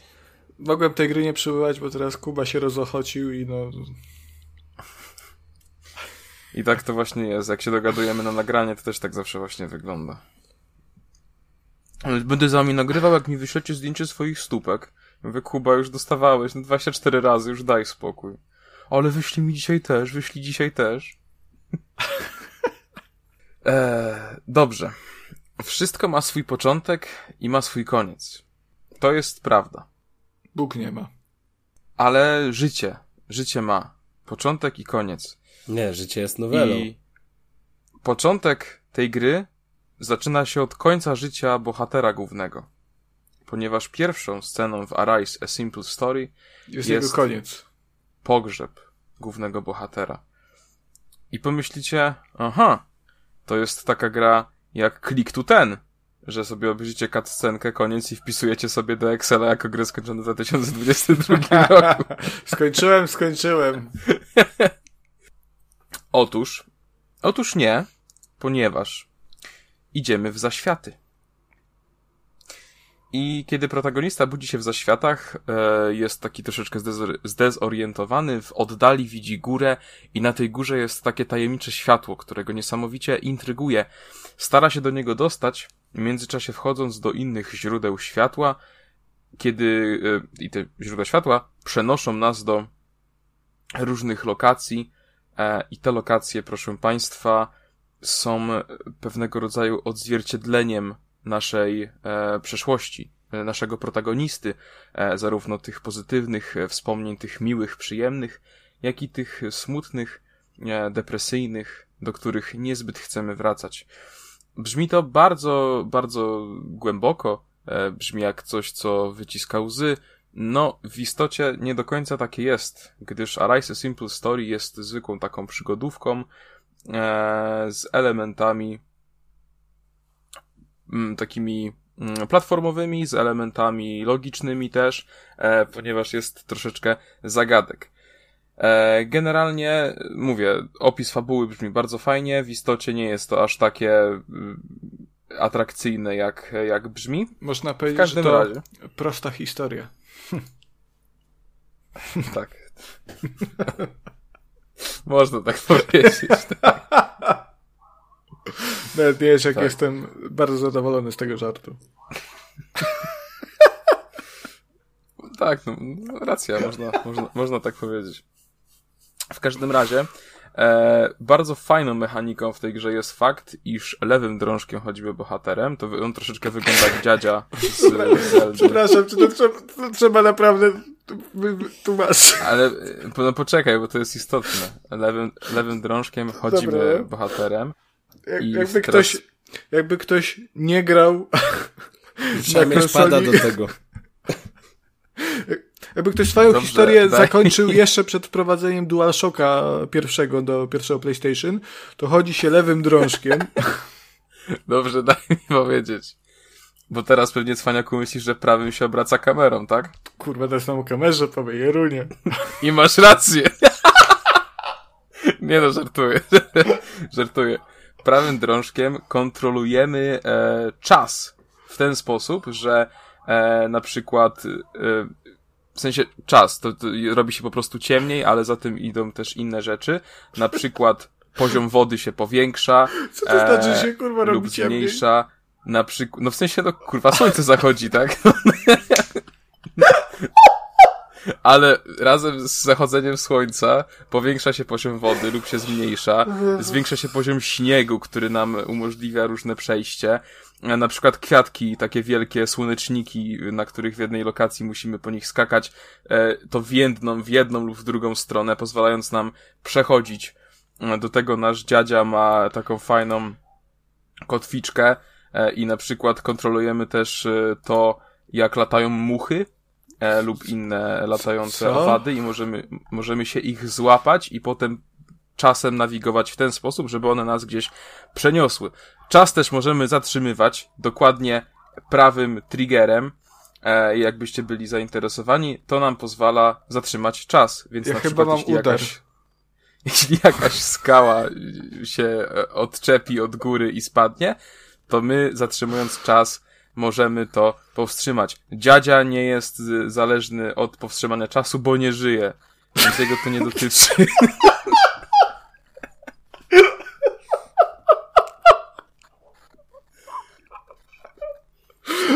Więc... Y... Przestań się śmiać, bo mnie wybijasz z rytmu. Więc... Y... To cała ta recenzja brzmi jakiś kurwa chory sen chorego psy, psychicznie po prostu. E, więc generalnie jest pomysł interesujący. E, Jest też właśnie sporo takich logicznych zagadek, e, więc żeby się wspiąć efektownie, efektywnie przede wszystkim musimy troszeczkę pomyśleć. Czasami zdarza nam się zginąć, ale bohater nie żyje, więc się respi. No I tak, i da się to jakoś wytłumaczyć, bo jest w zaświatach, więc nie jest to tak głupie jak w innych grach. Chociaż ogólnie gry z założenia przecież są głupie, bo to w końcu gry, a nie książki. wiadomo, no. Tak, Chyba, że Eee. Futodurger to, to jest fajne. tak, to jest tak. E, cała gra jest utrzymana w takiej stylistyce mm, kreskówkowej, takiej barwnej, ale nie jest to w żaden sposób porywająca na pewno grafika, e, szczególnie na Switchu, bo muszę przyznać, że e, no sama grafika sama w sobie jest prosta, na Switchu to wygląda dosyć kiepsko i muszę przyznać, że niestety, ale działa też kiepsko, bo gra tak na oko chodzi w około 25 FPS-ach ze spadkami do 10, a nie, nie jest to gra, która powinna tak działać nawet na Switchu. E, więc generalnie jest to na pewno ciekawe doznanie. E, myślę, że jeśli lubicie takie gry indie, troszeczkę takie, które jakby no, niosą samo doświadczenie, e, pierwsze co mi przychodzi do głowy to, to podróż, ale, ale stawianie jednak podróży z Arise to jest troszeczkę jednak pewna spora dysproporcja. Mm, Natomiast jeśli macie wolne 4-5 godzinek i chcecie sobie doświadczyć czegoś ciekawego, to e, jak najbardziej mm, wydaje mi się, że warto. Na pewno nie jest to historia, która zapadnie wam w pamięć na lata, ale myślę, że sama zabawa będzie całkiem okej. E, Ja wiem, że Konrad się śmiał, ten opis cały brzmiał dość absurdalnie, ale nie jest wcale tak źle podczas rozgrywki, jak, jak to brzmi. Warto jednak zaznaczyć, że gra już wyszła w 2019 roku na PS4, Xbox One i PC, ale e, pod koniec kwietnia w tym roku pojawiła się na Switcha e, za sprawą Untold Tales i właśnie od tego studia dostaliśmy kluczyk do gierki, także bardzo serdecznie e, dziękujemy i gra nazywa się jeszcze, ma dopisek Definitive Edition na Switcha. E, Ale tak zdecydowanie jak- nie jest to Definitive tak jak jeszcze Edition teraz- przez to, jak działa. Patrzę, to że to Techland wydawał rzekomo. Mm, No coś widziałem, ale to chyba tą pierwszą wersję na, na duże konsole, wiesz? Bo tutaj za Switcha całkowicie jest odpowiedzialny Untold Tales, jeśli chodzi o wydawnictwo. E, Ale jak było wcześniej, to nie wiem, ponieważ nie mogę modulować czasem tak jak główny bohater tej gry. Gdybym mógł, to bym się cofnął do 2019 roku i ci sprawdził, Kuba. No i, no i żyjesz też, to o tym nie można zapomnieć. ale tylko, tylko na zewnątrz. E, tak, także generalnie no jest to dosyć pomysłowa, dosyć kreatywna gra. E, ma swoje momenty, w każdym razie no mm, mówię, no nie, nie polecam na Switchu w to grać, jak we wszystko w sumie poza grami Switchowymi. A jeszcze takie jedno pytanko, którym się chodzi? E, lewym e, drążkiem, wiesz, A, analogiem. Okej, okej. okej. Tak, bo prawym czasem e, modulujesz, wiesz? No, to tyle. Krótka, krótko, szybko i na temat. Y, zgrabna recenzja zgrabnej gry. Jak nie Kacper? E, Właśnie Proszę. aż tak w szoku jestem, wiesz, tak, bo tak szybko nie, po i- prostu, nie, po prostu konkretnie. Ja nie lubię off-topów wrzucać na recenzjach. Nie jest to w moim, e, w moim Ja- stylu. pamiętam recenzję FIFA, tam nie było off-topów, natomiast no, No, gameplay bardzo- musiałem pięć razy zapętlać, żeby wypełnić recenzję. No. O, e, Dobrze. Powiedzcie mi koledzy, Tak. przyjaciele, y, pod, podcasterzy, osoby redaktorskie i ziomkowie moi, czy mało wam jest jeszcze e, gier, w których akcje obserwujemy od boku, jest to w zasadzie platformówka, w której się e, troszkę walczy mm, i przy okazji indyk, a chodzi się również, zaznaczę, e, lewym drążkiem analogowym? Czy to Trek Toyomi? Y, Nie, popatrz, i to nawet nie jest Arise, a Simple Story. Jest to bowiem gra, mm, co ciekawe, Kuba, w tym momencie możesz chcieć włączyć jakieś radio w tle, jakąś muzykę, Ja będę jakby śpiewał. co. Okej. Y, Jest to gra tajwańska, Mm, Kochamy się. y, czyli The Legend of Tianding, mm, które wyszło na PC, na Macu oraz na Switchu. Ja miałem to okazję ogrywać na PC. I pozwólcie, że ja znajdę wam nazwę studia, które tę grę stworzyło, ponieważ e, mimo, że sama gra jest dość prostym takim brawlerem mm, platformówkowym, to sama nazwa studia już tak łatwa do zapamiętania nie jest. Mm, O, mam. Studio nazywa się e, bardzo ładnie, to wpada, e, wpada w ucho. Creative Games and Computer Graphics Corporation. E, Jest to. O, zajebista nazwa. Zajebista nazwa. Jest to gra po raz kolejny Kuba Zanuć coś e, tajwańska. No, no, no. Mm, I pod, Podoba, podoba mi się to bardzo. Pod względem, Trójkas to szukuje cenzurę. O, pod względem samej walczymy z rozgrywki. systemem, buntownicy. O, widzisz, a to się fajnie wpisuje, ponieważ y, głównym bohaterem tej gry jest Lao Tianding. Mm, czyli tu już nie Kuba, musisz, Kuba. nie musisz. Czekaj, czekaj. Kuba śpiewa jeszcze raz. Nie, nie, nie, nie, już nie musi śpiewać, ponieważ y, to teraz porozmawiamy o przeszłości. Ponieważ The Legend of Tianding y, traktuje o historii, y, też jakby mm, legendzie tytułowej e, o Lao Tiandingu, czyli tajwańskim e, bohaterze folkowym, m, który żył w Tajwanie w, na przełomie XIX i XX wieku. To był taki, wiesz, to jest taki w sumie tajwański Robin Hood tak naprawdę. Janosik w sensie. Też. Janosik, Robin Hood, prawda, wiadomo, Marek Perepeczko lepszy. I o, o tym się dowiedziałem z gry. Tajwan na przełomie XIX i XX wieku znajdował się pod ok- okupacją japońską. E, także jeszcze tutaj Kuba szybko coś zanuć. La, la, la, Nie chińską. E, I e, jakby no ten, ten Tianding e, jako bohater, on bronił obywateli biednych, uciśnionych Tajwanu przed Japończykami. E, prawda, kradł bogatym Japończykom, dawał biednym żebrakom mm, tajwańskim. I ta legenda się, się tak narodziła. No ta gra właśnie o tym traktuje. E, Bardzo luźno zakładam, ponieważ tu jest e, sporo elementów fantastycznych. Mm, Główny bohater włada kung fu, natomiast jest to takie troszkę umagicznione kung fu, więc on tam jakieś takie ciosy robi, że uff. E, Też przeciwnicy, z którymi walcza, walczymy, mm, przynajmniej bossowie, bo nie mówię tutaj o mięsie armatnim, którego jest sporo, e, e, władają jakimiś tam takimi magicznymi mocami, że przyzywają pioruny, czy jakieś takie e, kule ognia posyłają. E, Bardzo przyjemna gra.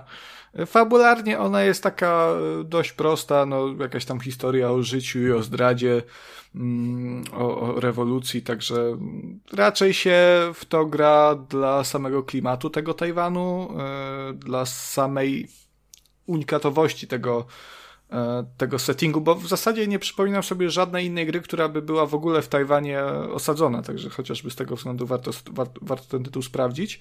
Mm, Ale pod względem rozgrywki to jest raczej standardowy Sleeping taki... Dogs. To były Chiny. Może. To były Chiny. Chciałem Kacper, Kacper idzie z linią partii. Po, po, po chuju, nie? Ale okej. spo- Hongkong. To był Hongkong w ogóle. Także, także Kuba, tu zanuć coś jeszcze. A, jak w porach roku Vivaldi. Także nie Chiny. E, także nie, Sleeping Dogs nie. The Legend of Tianting jest dalej w moim odczuciu pod tym względem unikatowy. E, no ale mówię, pod, GTA jako, Chinatown Wars.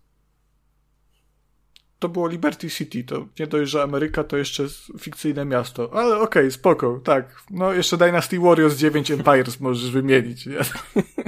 W sumie Chociaż chyba próbowałem. to by było najbliżej, nie? Bo ten... E, w każdym razie e, The Legend of Tianding jako gra jest dość standardowym brawlerem. E, Chodzimy w lewo, chodzimy w prawo, bijemy ludzi. A którym? Mm, X-em się Okej. bije. Ale na nie chodzi- na Xboxa, czyli kwadratem. Aha, chodzi się, tak jak mówiłem na początku, lewym, e, lewym analogiem. Drągalem. Albo chyba wsadem na klawiaturze. E, w, tak. E, przeciwnikom można odbierać broń, prawda, i tam kogoś zastrzelić, e, jak się karabin odbierze niektórym, ale głównie to jest raczej e, broń biała. Z ciekawostek pomiędzy takimi głównymi misjami możemy sobie chodzić po, po tym e, mieście. W sumie nie pamiętam, jak to, jak to miasto się nazywa. To jest chyba jedno z tych takich główniejszych miast e, na Tajwanie. W Tajwanie. Chihuan. Tak, Chihuan, może Ching Chong Pong, no. Dokładnie. E, I tam jest taka fajna mechanika, że za zarobione pieniądze możemy. E, zarobione pieniądze możemy oddawać e, bezdomnym i ci bezdomni nam e, dają bonusy. E, Samochody. prawda? Na przykład. Co? Na przykład zupę z psa. Nie, zupę z psa. Na przykład nam dają jakieś, nie wiem, wino nam dają, albo jakąś apteczkę, albo jakiś opis mm, fasady. Kacper, zaraz, zaraz ko- konkretnego... drugą żółtą kartkę za te rasistowskie Co? żarty. Że Kacper, zaraz dostaniesz drugą żółtą kartkę za... To nie są... No, Kacper, Kacper jest bardzo niekulturalny dzisiaj. No, ale może, Prawda. ale to jest... Bądźcie milsi. To jest bardzo fajne pod tym względem, ponieważ o Tajwanie i historii Tajwanu mm, można się bardzo sporo dowiedzieć właśnie dzięki tym bonusom, bo tak jak mówiłem, to nie są same jakieś tam, no dostajesz plus 5 do ataku, tylko dostajesz przedmiot, który ci daje bonus, a sam przedmiot ma jakiś tam opis, nie? Więc jak jest na przykład mm, apteczka, to dostajesz informację w opisie, że pierwsi lekarze tam na Tajwanie, mm, te czy też nie, nie tyle lekarze, co bardziej takie firmy farmaceutyczne, e, montowały mm, apteczki w domu każdego mm, Tajwańczyka i co miesiąc, czy co tydzień chyba, co tydzień, e, chodził gość wysyłany przez tę firmę po domach i sprawdzał, czy te apteczki zostały zużyte, bo to trzeba było rozpróć jeżeli zostały, no to wtedy pobiera opłatę, nie? A samo montowanie było za darmo. Także takie tego ty, typu ciekawostki, tam są e, ciekawostki o na przykład przemyśle alkoholowym, o prohibicji jakiejś tam, e, o jakichś dekretach, o nawet stylach, e, stylach, prawda, architektonicznych. Mm, także to jest bardzo spoko, więc można się czegoś dowiedzieć o tym Tajwanie. Jest, mówię, no jako sama gra to jest takie, no chodzimy i bijemy tak naprawdę. Y, co mi się jeszcze podobało, to jest styl graficzny. Ona, ta gra sama w sobie wygląda tak ło, nie? Ale tam jest kilka takich ciekawych rzeczy. Y, muzyka jest świetna, to jest, to jest raz, a dwa, że całość jest taka lekko komiksowa. Y, w tym sensie, że mm, tekstury mają takie kropeczki w niektórych miejscach, jak w starych komiksach. Nie wiem, czy wiecie o co chodzi.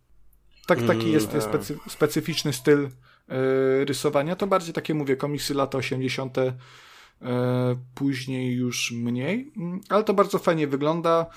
Mm, I jeszcze chciałem powiedzieć, że e, sposób opowiada opowiadania samej historii jest intrygujący, bo jasne, tam mamy przerywniki filmowe, bardzo proste, te cutscenki są bardzo proste dialogi i bardzo Widać też, że te dialogi były pisane przez Tajwańczyków i dopiero potem i chyba też przez nich były tłumaczone na angielski, bo one są strasznie nienaturalne i, dziecinne wręcz. Mm, natomiast ciekawe jest to, że cała historia jest opowiadana jakby w formie audycji radiowej, która opowiada tą legendę o Tiandingu. Mm, także pomiędzy każdym z siedmiu rozdziałów, y, czy sześciu, siedmiu albo sześciu rozdziałów, e, tam speaker radiowy właśnie tam mówi, że podsumowuje to, co się wydarzyło i mówi, no a o tym, co tam się zaraz podzieje, to się dowiecie w kolejnym rozdziale, nie? On tam po tym ta, ta, tajwańsku tak śmiesznie, śmiesznie mówi. I jak, jak ktoś nie jest obyty z tym językiem, to po prostu bardzo dziwnie brzmi, ale, ale to jest super. Mm. I spoko, no jak, jak, jak macie ochotę na coś takiego niecodziennego, to w sumie warto sprawdzić. E, o ile oczywiście no nie, przeszkodą nie będzie dla was to, że no to jest raczej niezbyt, e, niezbyt spektakularny ten brawler.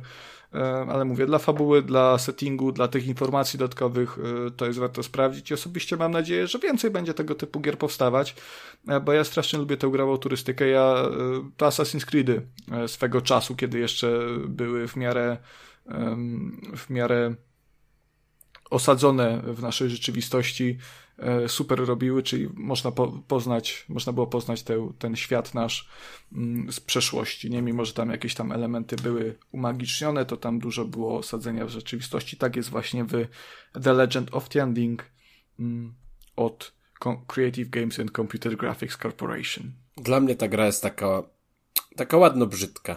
Ja miałem ochotę ją sprawdzić, ale z jednej strony tak, taka jest ciekawa ta oprawa, a z drugiej to jednak troszkę taka zakanciasta i, i trochę taka mm, flashowa, szczególnie jeśli tam no, gdzieś przychodzi troszkę, troszkę tak. postaci.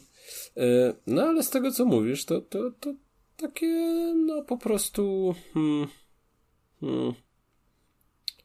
jak się już by bardzo nie miało w co grać, takie wiesz, 6 na 10, nie bym to jakby miał skalę jakieś takie mega spoko 6 na 10, że sobie tutaj takiego memika od konkurencyjnego podcastu e, skradnę. Dobrze, to ja wam teraz, moi mili, opowiem o kolejnej grze, którą jakiś czas temu zajawiałem i obiecywałem, że pojawi się jej recenzja, a mowa tutaj o The Serpent Rogue mm, i to jest gra, która jest nastawiona na crafting i eksplorację. W The Serpent Rogue wcielamy się w postać strażnika. Przenosimy się do takiego, no, magicznego, mistycznego świata. Jesteśmy tym strażnikiem z taką bardzo charakterystyczną, e, kruczą maską na wzór tych doktorów plagi, którzy walczyli tam w dawnych czasach z epidemiami. Mm, I co ciekawe, to jest gra od ukraińskiego studia. Także już o tym wspominałem kiedyś, że pomimo tej całej sytuacji, oni tę grę dowieźli do końca. No i z tego, co ja ograłem i ją skończyłem, no to to jest gra skończona. Nic jej, nic jej nie brakuje, błędów technicznych tam mm, no nie ma. Jakichś bardzo dużych niedogodności, więc, więc, więc jest to jak najbardziej skończony, solidnie wykonany produkt. Także to się chwali, że to się udało e, pomimo całej sytuacji na premierę dowieść w takim stanie. No i tak jak wspominałem, The Serpent Rogue mm, jest nastawiony na eksplorację i crafting. I tutaj będziemy tworzyć mikstury, eliksiry, no i takie, no, no, no to też są, hmm, nie wiem, czy można to podpiąć pod takie bomby swojego rodzaju, czyli jakaś tam wybuchowa mieszanka się będzie po prostu znajdowała w tych fiolkach. I teraz całość yy, skupia się wokół tego, że świat opanowany jest przez jakąś zarazę. Tylko to jest taka zaraza nie, że tam ludzie kaszlą i, i prychają, tylko to są bardziej jakieś tam matki. Straczka. I... A, okej. Okay. To dla Kacpra. To są bardziej jakieś takie właśnie macki i mroczne moce, które gdzieś tam pochłaniają ten, ten świat z każdej strony. Y, to I, fajne. I, I ingerują w jego Jeszcze jakby matki były, nie Kacper? Tak. I tak dalej. I stópki. My będziemy starali się z tym walczyć. I teraz tak. Jesteśmy wrzuceni na głęboką wodę tak naprawdę samouczek jest bardzo skąpy. Tam uczymy się naprawdę takich podstaw, że podstaw, a później gra nam, no, no wrzuca nas w tą piaskownicę i mówi, e, radźcie sobie. Tu się robi to, tu się robi to, a teraz dlaczego miałbyś to robić, po co masz to robić i jaki będzie efekt tego, to musisz nauczyć się już sam. E, I ja na początku byłem troszeczkę taki zagubiony. No nie wiem, dwie pierwsze, e, dwie, trzy godziny mm, tak grałem, to sobie gdzieś poszedłem, coś sobie zdobyłem, tu mnie zabiło, tu coś straciłem. I tak w sumie, no dobra, a gdzie jakiś progres, o co tu chodzi, co w tej grze trzeba zrobić, jaki jest cel. No i to się tak stopniowo zaczyna um, ujawniać, ale i tak to jest gra z takiego rodzaju, że tu sami sobie musimy znaleźć, yy, znaleźć zajęcie. Także to, to, to nie dostaniemy znacznika, który nam powie, o, teraz zbierz tam pięć tych yy, roślinek i z tych roślinek wytworzysz eliksir taki, taki i dzięki niemu zrobisz to i to. Tu sobie po prostu sam musisz wpaść na to, że chcesz zdobyć sobie te roślinki albo składnik z tego przeciwnika yy, i później postarać się nawet na te mikstury nie masz receptur. Receptury musisz sobie wymyślić sam. Także to też jest tak, że poszczególne składniki mm, są opisane jakimś słowem kluczowym.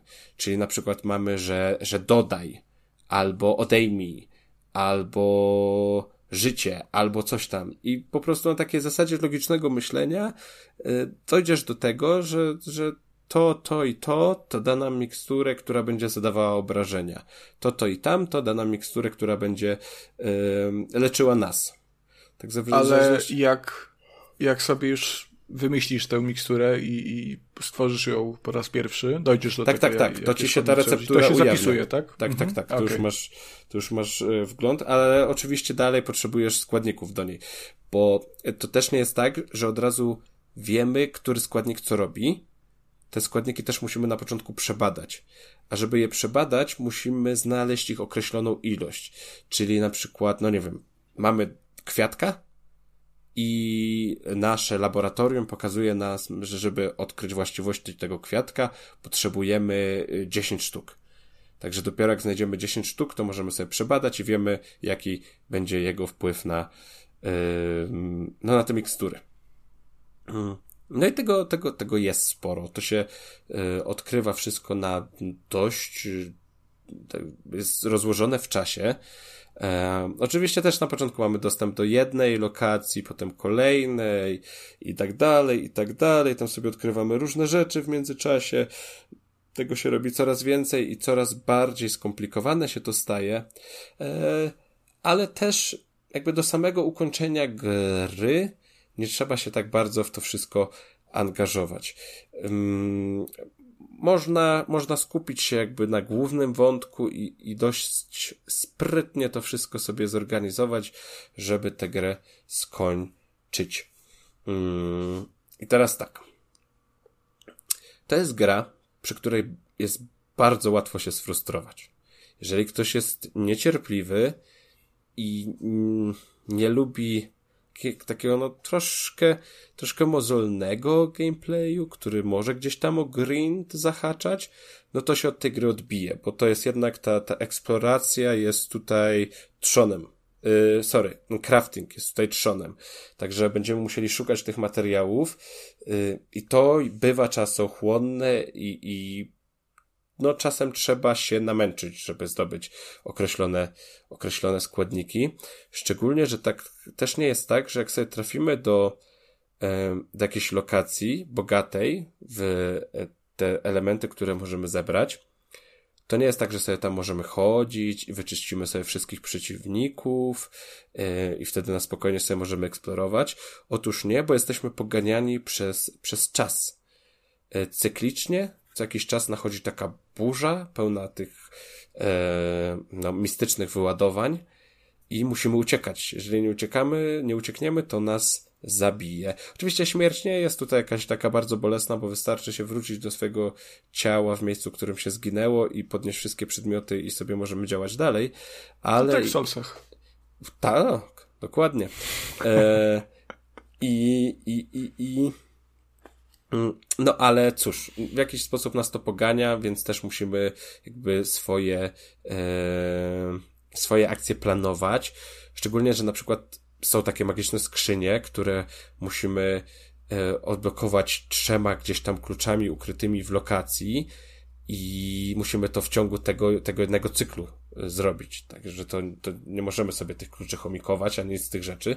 Także czasem trzeba się śpieszyć, ale też przez te te burze powod... Mm, po przejściu tej burzy, tych wyładowań, zmienia się lokacja. One są proceduralnie generowane, także ta, ta, ta, ten, mały, ten mały obszar wygląda troszkę inaczej. To nie jest jakaś tam dramatia, da, dra, już mi się język... Diametralna.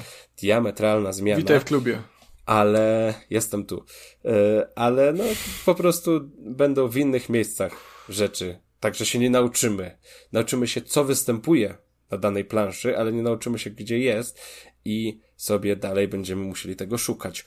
A jeszcze, jak już wspomniałeś o Soulsach, no to jest walka i ona jest... E... No nie, nie powiem, że w soulsowym stylu, przez gardło mi to nie przejdzie, ale jest taka na, na zasadzie unik, unik, atak, trochę zręcznościowa. E, e, w starciach jeden na jeden z takimi zwykłymi, nie wiem, potworkami jak tam e, szkielety czy, czy jakieś opętane wilki, no to da się to dość, dość łatwo ogarnąć, nie wiem, szczególnie, że walczymy szpadlem, szczotką albo zgaszoną pochodnią, także te bronie są y, prowizoryczne. Możemy też znaleźć sobie później miecz, czy jakieś magiczne sztylety, które, które są już kozackie i tam bardzo, bardzo a, nam a to wszystko... szczotek, to mogę sobie pozwolić na anegdotkę taką szybką? E, boję się, ale proszę. Pamiętam jak... Kiedyś się przewróciłem. jak chodziłem do podstawówki i tam był taki jeden Kamil, bardzo specyficzny chłopak to był i się jakiś z jakimś tam swoim kolegą e, przepychał. To takie lekkie bójki doszło. E, no i Kamil w akcie desperacji, e, takiego taktycznego odwrotu, wycofał się do jednego z kibli, e, z którego po chwili wyłonił się z obstraną szczotką do kibla. I nigdy jeszcze nie widziałem osoby tak szybko spierdalającej. z miejsca zadymy. No taka tam ciekawa, ciekawa. Piękna, no, piękna, piękna historia, nie zapomnę jej nigdy. Dziękujemy, że się z nami Dziękujemy, podzieliłeś. dziękujemy. To było prawie tak mocne jak spotkanie Roka przez, przez Kacpra. Nie, spotkanie Roka było lepsze. Ym, tak, wracając do walki.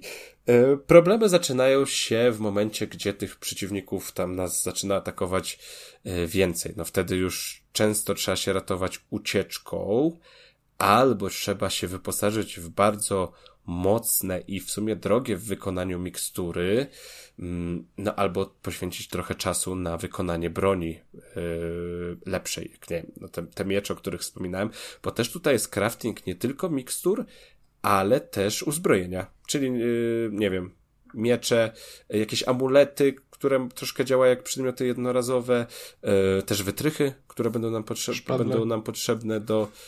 Yy, co? Szpadle. Szpadle? Tak, tak, tak, tak. Yy, szpadle odgrywają walce. yy, istotną, istotną rolę, bo trzeba je dawać grabarzowi, bo wtedy grabarz sprzątnie ciała. Ale to już na później.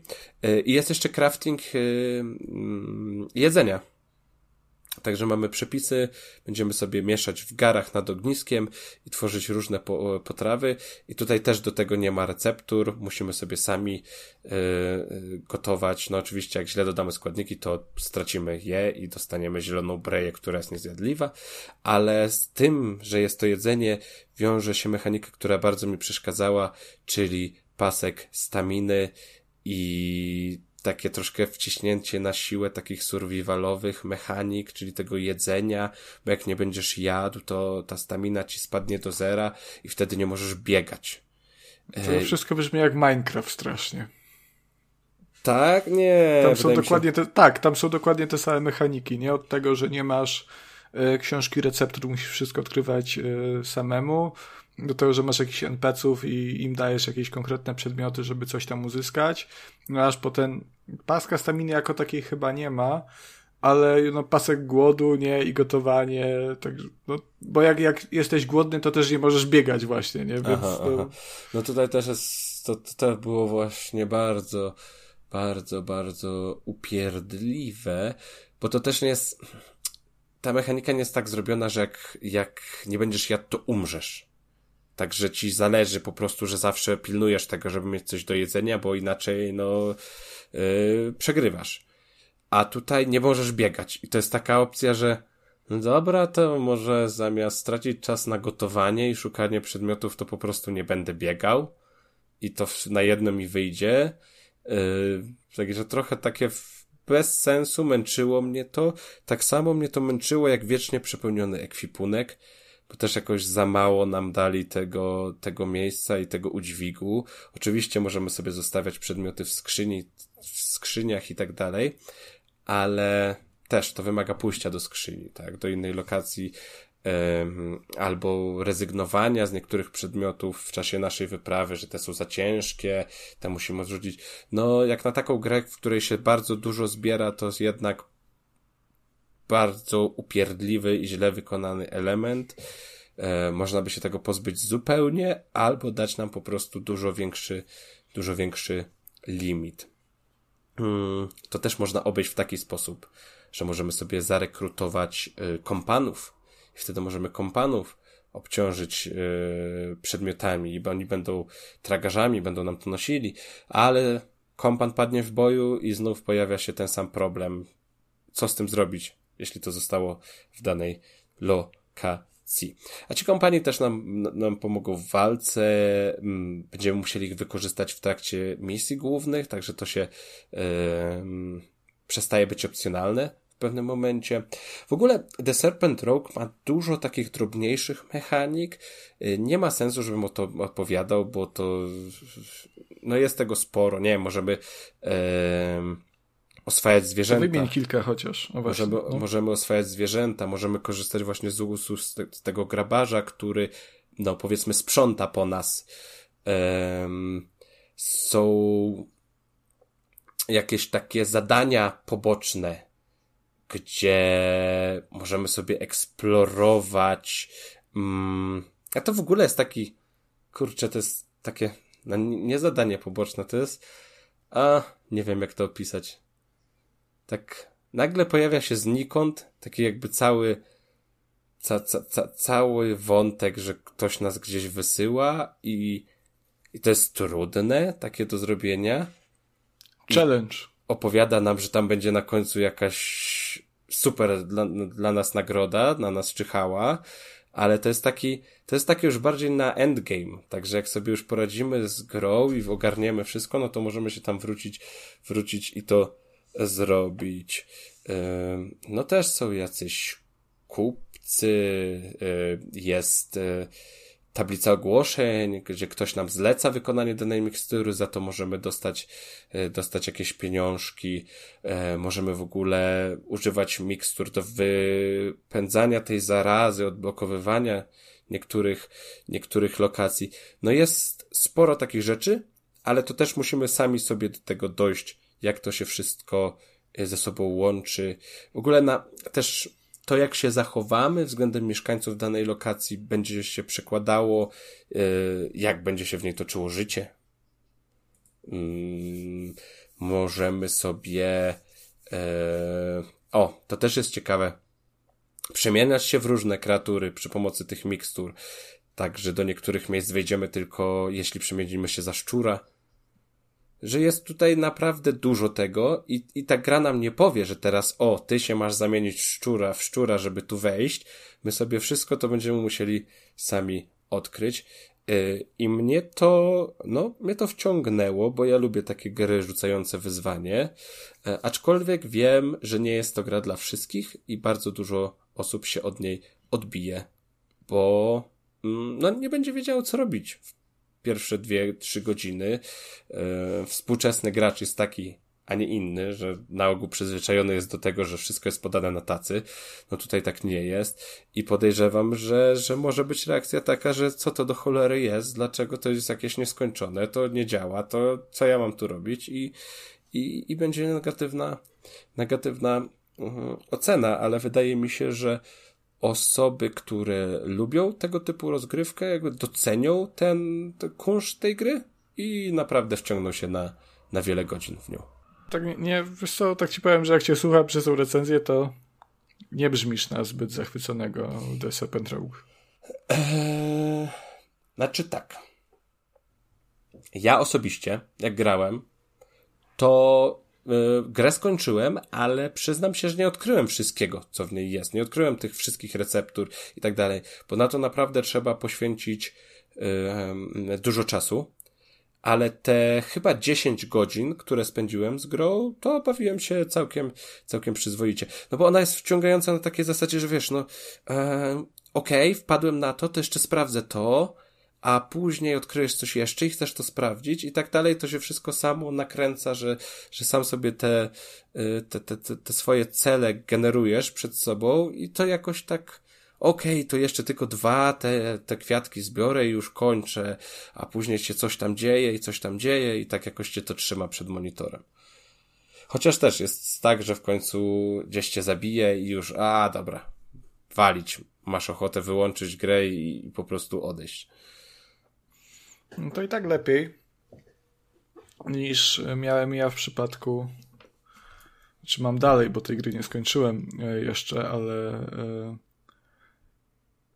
ale jestem tak bardzo rozczarowany i tak bardzo zły, e, że mimo, że jeszcze nie skończyłem, mm, to stwierdziłem, że jako, że ona wyszła jakoś tydzień temu w momencie nagrywania, czyli 5 maja bodajże, e, to jestem na gry tak bardzo zły, że jakby chcę ostrzec ludzi przed, przed kupieniem tego. E, gra się nazywa Best Month Ever i to jest gra, e, w której po 15 minutach czułem się jakbym grał przez 5 godzin. I to nie dlatego, że ona jest jakoś bardzo wymagająca, czy bardzo trudna, mm, tylko jest tak bardzo spierdolona po prostu, że ten czas się, się ciągnie i to boli. Mm, to jest gra, która została tak sobie wypuszczona... wyobraziłem wpis, y, wstęp do recenzji. Ta gra jest tak, tak bardzo spierdolona, że... Ale tak, bo to, to, o samej warstwie fabularnej to jakoś długo się nie będę wypowiadał, bo no, tak średnio jest o czym.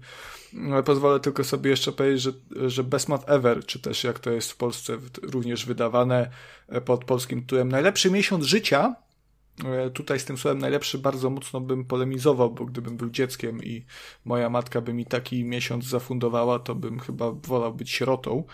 Najlepszy um, miesiąc życia to jest wtedy, jak odkryjesz trójkast i słuchasz wszystkich epizodów od początku i ona starczy tak, tak, około tak, na miesiąc. Codziennie. Tak, to le dużo lepiej jest przez autentycznie lepszym pomysłem będzie przesłuchanie pierwszego albo trzeciego odcinka trójkastu niż zagranie w Best Albo 25, bo 25 też będzie mocny, tak czuję. No stopkach. No. E, mocny, mocny zapach, mocny odcinek. E, no, w każdym razie. Best Month Ever to jest e, gra, narracyjna gra, coś w stylu, no nie wiem, The Walking Dead, prawda, e, tych jakichś tych dziwnych... E, Life is Strange. Life is Strange te, też poniekąd, chociaż w sumie troszkę bliżej jej by było do takich tytułów, jak na przykład... Mm, kurczę, i patrz, i nie pamiętam tytułu, jak to się nazywało. Saints Row. E, tak, Saints Row. Kacper jak zawsze pomocny. Road Czekaj, ja... 96? No to, to jest jakby to, to jest ten sam ten sam taki, ta, taki nurt, nie? Że, że to są gry stawiające na e, fabułę, na opowiadanie historii, na emocje i to jest takie, takie mm, nie, że aż, aż normalnie się mm, się chce płakać, jak Stópka się gra. poci. Tak, tak, wszystko, wszystko się po, poci. E, tych tytułów sobie nie przypomnę. E, e tą grę... Aha, wiem, After Party. A, e, after Party i After Party tworzyło nie muzykę, nie chcę After Party, niech tam zazdrości cały świat, Jezus. Profesjonalny after... podcasting. Tak, nie? Oxenfree, o, to jest, tak w sumie bym to trochę przy, przyrównał do Oxenfree.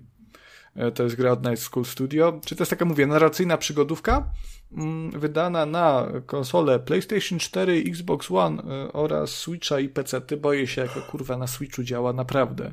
Ja w to grałem na PlayStation 5 i o kurde jej, ale nie uprzedzajmy faktów, jakby to powiedział Wołoszański. Mm, I to jest gra polska, niestety, mm, wydana przez y, Warszawską Szkołę Filmową, a mianowicie Warsaw Film Dlaczego stwierdziłeś, że granie w to będzie dobrym pomysłem? Nie wiem. Natomiast Warszawska Szkoła Filmowa e, pod szyldem Warsaw Film School Video Game and Film Production Studio to jest jeszcze lepsza, je, jeszcze lepsza nazwa studia niż w przypadku kurwa The Legend of Tianding. E, właśnie wydała tę grę, nie, oni mają chyba jakąś taką akcję, że tworzą, tworzą gry i, i to jest zajebiste, nie? E, że, że, że to się tak rozwija fajnie i, i że to będzie finansowane i te gry to jest taki, taka znacząca odnoga tej, tej gałęzi e, kultury polskiej. E, natomiast Best Mount Ever to jest jeden z najgorszych ich przedstawicieli, mimo że na papierze ona wygląda całkiem intrygująca. Jak spojrzycie na zdjęcia, a pozwolę sobie, że ja wam wyślę link do tego na Steamie, bo to będzie ważne, e, jeżeli chodzi o to, co ja będę chciał o tej grze powiedzieć. Mm, i ona wygląda całkiem obiecująco, bo mówię, to jest taka narracyjna przygodówka, tutaj ta grafika nie jest tak ważna. Yy, gra wygląda brzydko, no to już nawet, nawet po zdjęciach widać, natomiast yy, mówię, to nie jest aż tak ważne. Ważniejsza jest ta fabuła, ważniejsze są emocje, prawda, przygoda. Yy, I ta gra pod względem fabularnym, ona zapowiada się naprawdę obiecująco, bo to jest gra o, która się dzieje w latach 60. w Ameryce, E, dokładnie w roku, uwaga, teraz będzie śmieszne, haha, w roku 69 XX wieku. E, I to jest gra, która opowiada o mm, e, białej, samotnej matce, która wychowuje synka, będącego przy okazji młodym, młodym Afroamerykaninem. On ma tam 7 lat. No, czarnoskóry jest chłopak, także wiadomo. O Jezu, ale i, i to ja, wiesz co? No to jest historia o, o, o samotnej e, białej matce wychowującej e, czarnoskórego syna e, w, gdzieś tam w Luizjanie chyba w latach 60., czyli lata 60. to jest jednak w Stanach ten jeszcze okres takiego dość e, mocnego rasizmu. No właśnie widzę, że tutaj na który, na jednym ze screenów jest w ogóle jakiś Ku Klux Klan. Tak, tak, to jest, wiesz, no do tego nie dotarłem jeszcze, nie, ale, ale tam jakieś hasła pod względem no takie nie, bardzo niepochlebne te opinie pod względem tego biednego chłopaka, który nikomu niczym nie zawinił, mm, padają. E, ten świat, no wiesz, no to jest temat ważny nawet z perspektywy dzisiejszej. I tu dochodzi też właśnie też, też ten bycie, trudy bycia samotną matką, jeszcze w Stanach Zjednoczonych w tamtych latach, nie? E, tym, że ta matka jest niewyedukowana, więc jakby ona pracowała kiedyś jako stripteaserka. E, to jest też to właśnie ta jakby ta tematyka seksualności i seksualizacji kobiet, prawda? Powiedz mi, że czy, czy nie jest tak trochę z tą grą, że za dużo starali się w nią wepchnąć? Tych e, trudnych tematów? Co? Nie. No właśnie też, nie. też tak trochę brzmi to. Nie, nie, nie, nie, absolutnie nie, nie miałem tak, chociaż kurwa, w sumie trochę tak, bo jeszcze się pojawia pedofilia w kościele, jeszcze... E... Czyli troszkę wszystko wygląda jest, tak, jakby, jakby mieli tak. listę rzeczy, które chcą poruszyć, tych ciężkich, ważnych tematów i tak sobie odhaczali. Okej, okay, to mamy to dodane, to dodane, to dodane.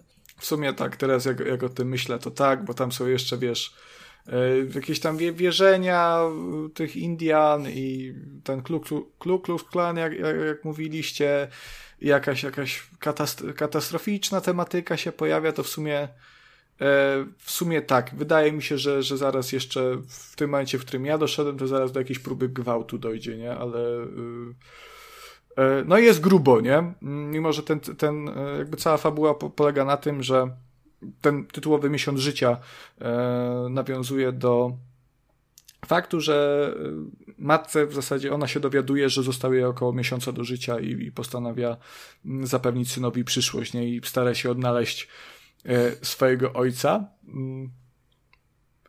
Swoją drogą tutaj myślę, czekaj, że takie bardziej swojego prawico... ojca czy ojca syna? E, prze... Ojca syna, przepraszam. Okay. Ojca syna. E, I tutaj myślę, że takie bardziej te prawicowe społeczności mogą mieć bekę, no bo wiadomo, ojciec jest czarny i, i uciekł, nie? Ale okej, okay, to jest tak z takich tych bardziej mm, starych żartów, nie? Taki ten E, I wiesz, to jest, to jest naprawdę temat na e, bardzo fajną historię i bardzo poruszającą historię. Jest tu, wiesz, dzień zakończeń, bo tam jest ta cała mechanika. Znaczy, dla mnie to są zachowuje... tematy na y, sześć albo osiem osobnych Całą historii. Serię, no. To jest... Tak. Ale wiesz, ten potencjał jest, tylko e,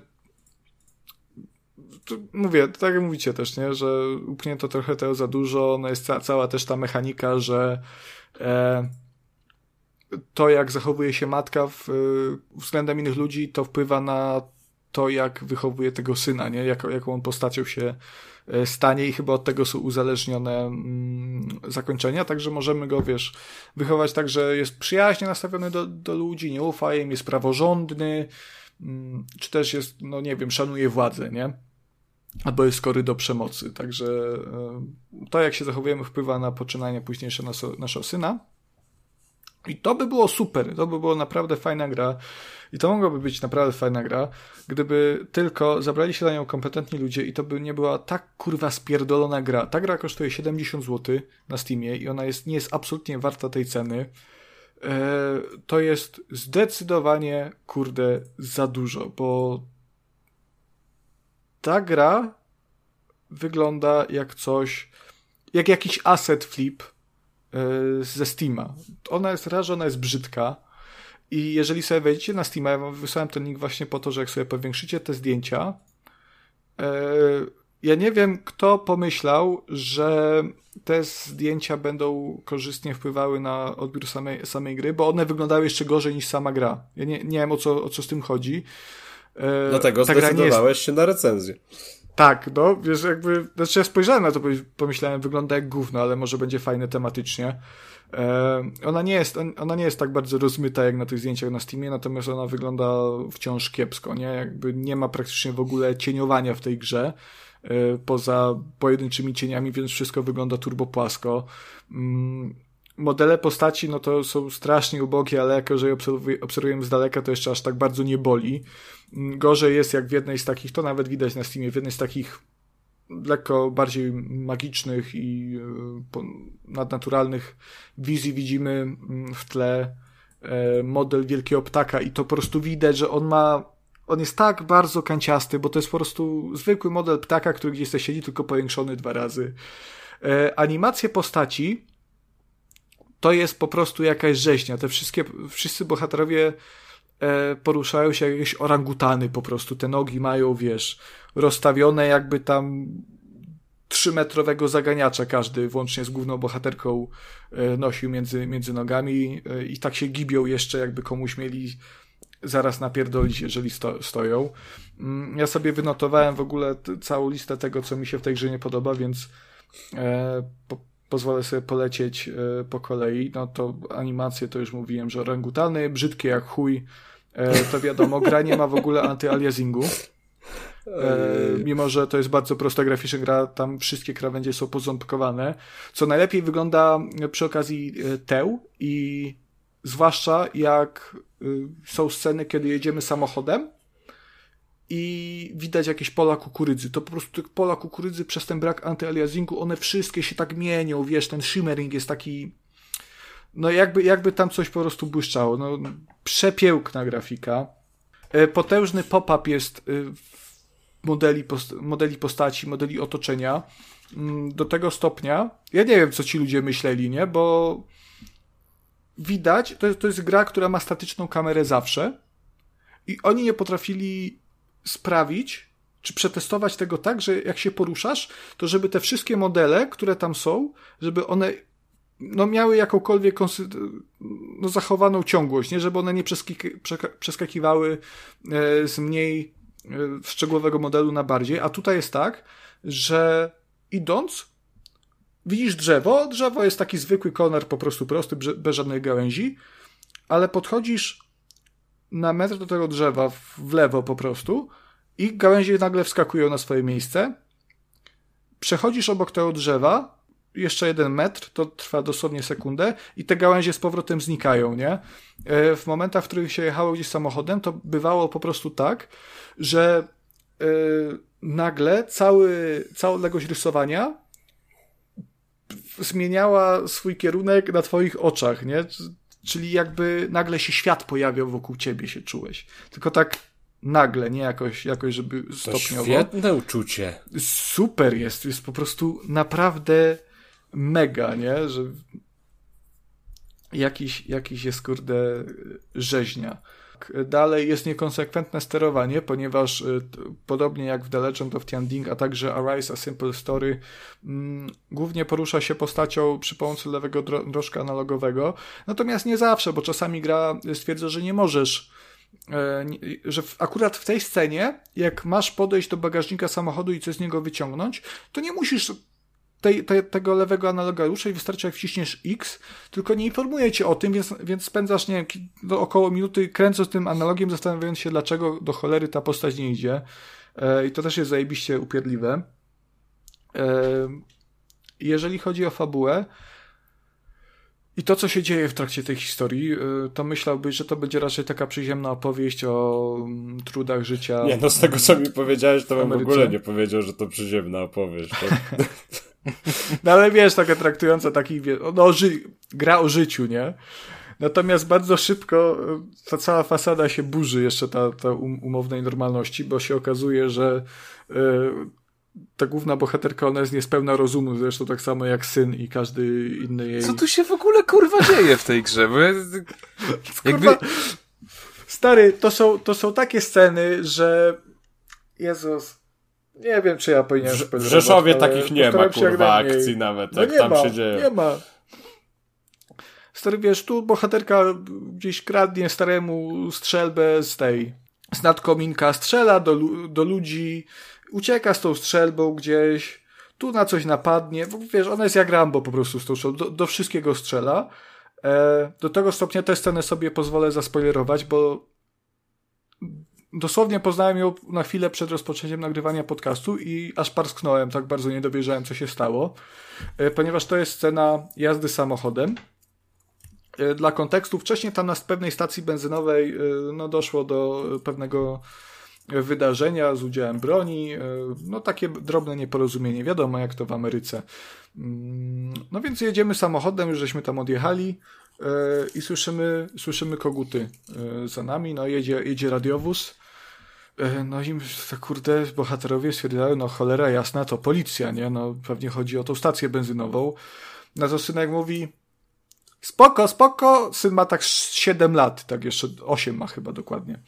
E, spoko, spoko, stara, ja się tym zajmę, zajmę wyjmuję tą strzelbę, e, na początku gry staremu i mówi, będę do nich strzelać, nie? I stara mówi, nie, nie, synek, nie, nie, do policji się nie szczelo, a, a szczelo się.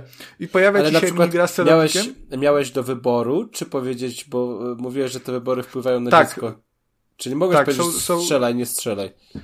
Mogłem, mogłem mu albo zabronić, albo go pouczyć, więc wybrałem zabronienie, a synek powiedział, szczelam, nie? Tak czy tak, nie? Więc miał mnie w dupie, pojawia mi się minigra, że celownik mi latał, bo synek strzela w opony. Synek jest, wiesz, non-lethal, nie? Z Strzela w opony. Tak. Więc strzeliłem w jedną oponę, w drugą, policja gdzieś tam wyryżnęła, za, zabiło ich i myślę, okej, to było bardzo nierealistyczne i bardzo takie z dupy, nie? E, Natomiast nic, nic nie przygotowało mnie na to, że dosłownie sekundę po tym, jak policja wyryżnęła w rów i wdachowała, to yy, nagle zerwał się wiatr, główna bohaterka skrzyknęła, o kurwa, tornado, nie? I na, i na horyzoncie się zmaterializowało tornado. I zaraz, tra- zaraz trafiłem do w ogóle takiego, do zgliszczy miasta jakiegokolwiek, nie? E, Zgliszcze miast, wszystko tam zniszczone, jakoś tam jakiegoś chłopczyka, babcię martwą pod, pod gruzami znalazłem i, stwierdziłem synem, chuj, jedziemy dalej, nie? I to było, wiesz, e, to trwało dosłownie 5 minut wszystko, nie? Włącznie z jazdą, ze strzelaniem, z tornadem i wow, bo ja jestem bardzo ciekawy, co jeszcze wymyślą innego, bo y, to było po prostu Znaczy ta Wow. gra porusza dużo naprawdę ciężkich i ważnych tematów, jakby miała tak, Wiesz, natomiast ona to robi poza tak tymi, tymi naszymi nieudolnie. śmieszkami, to jakby no to są naprawdę ważne, istotne kwestie. W każdym razie, no po tym co mówisz, ciężko którekolwiek z tych kwestii traktować poważnie, no bo no wow, Ja- po prostu wow, nie no.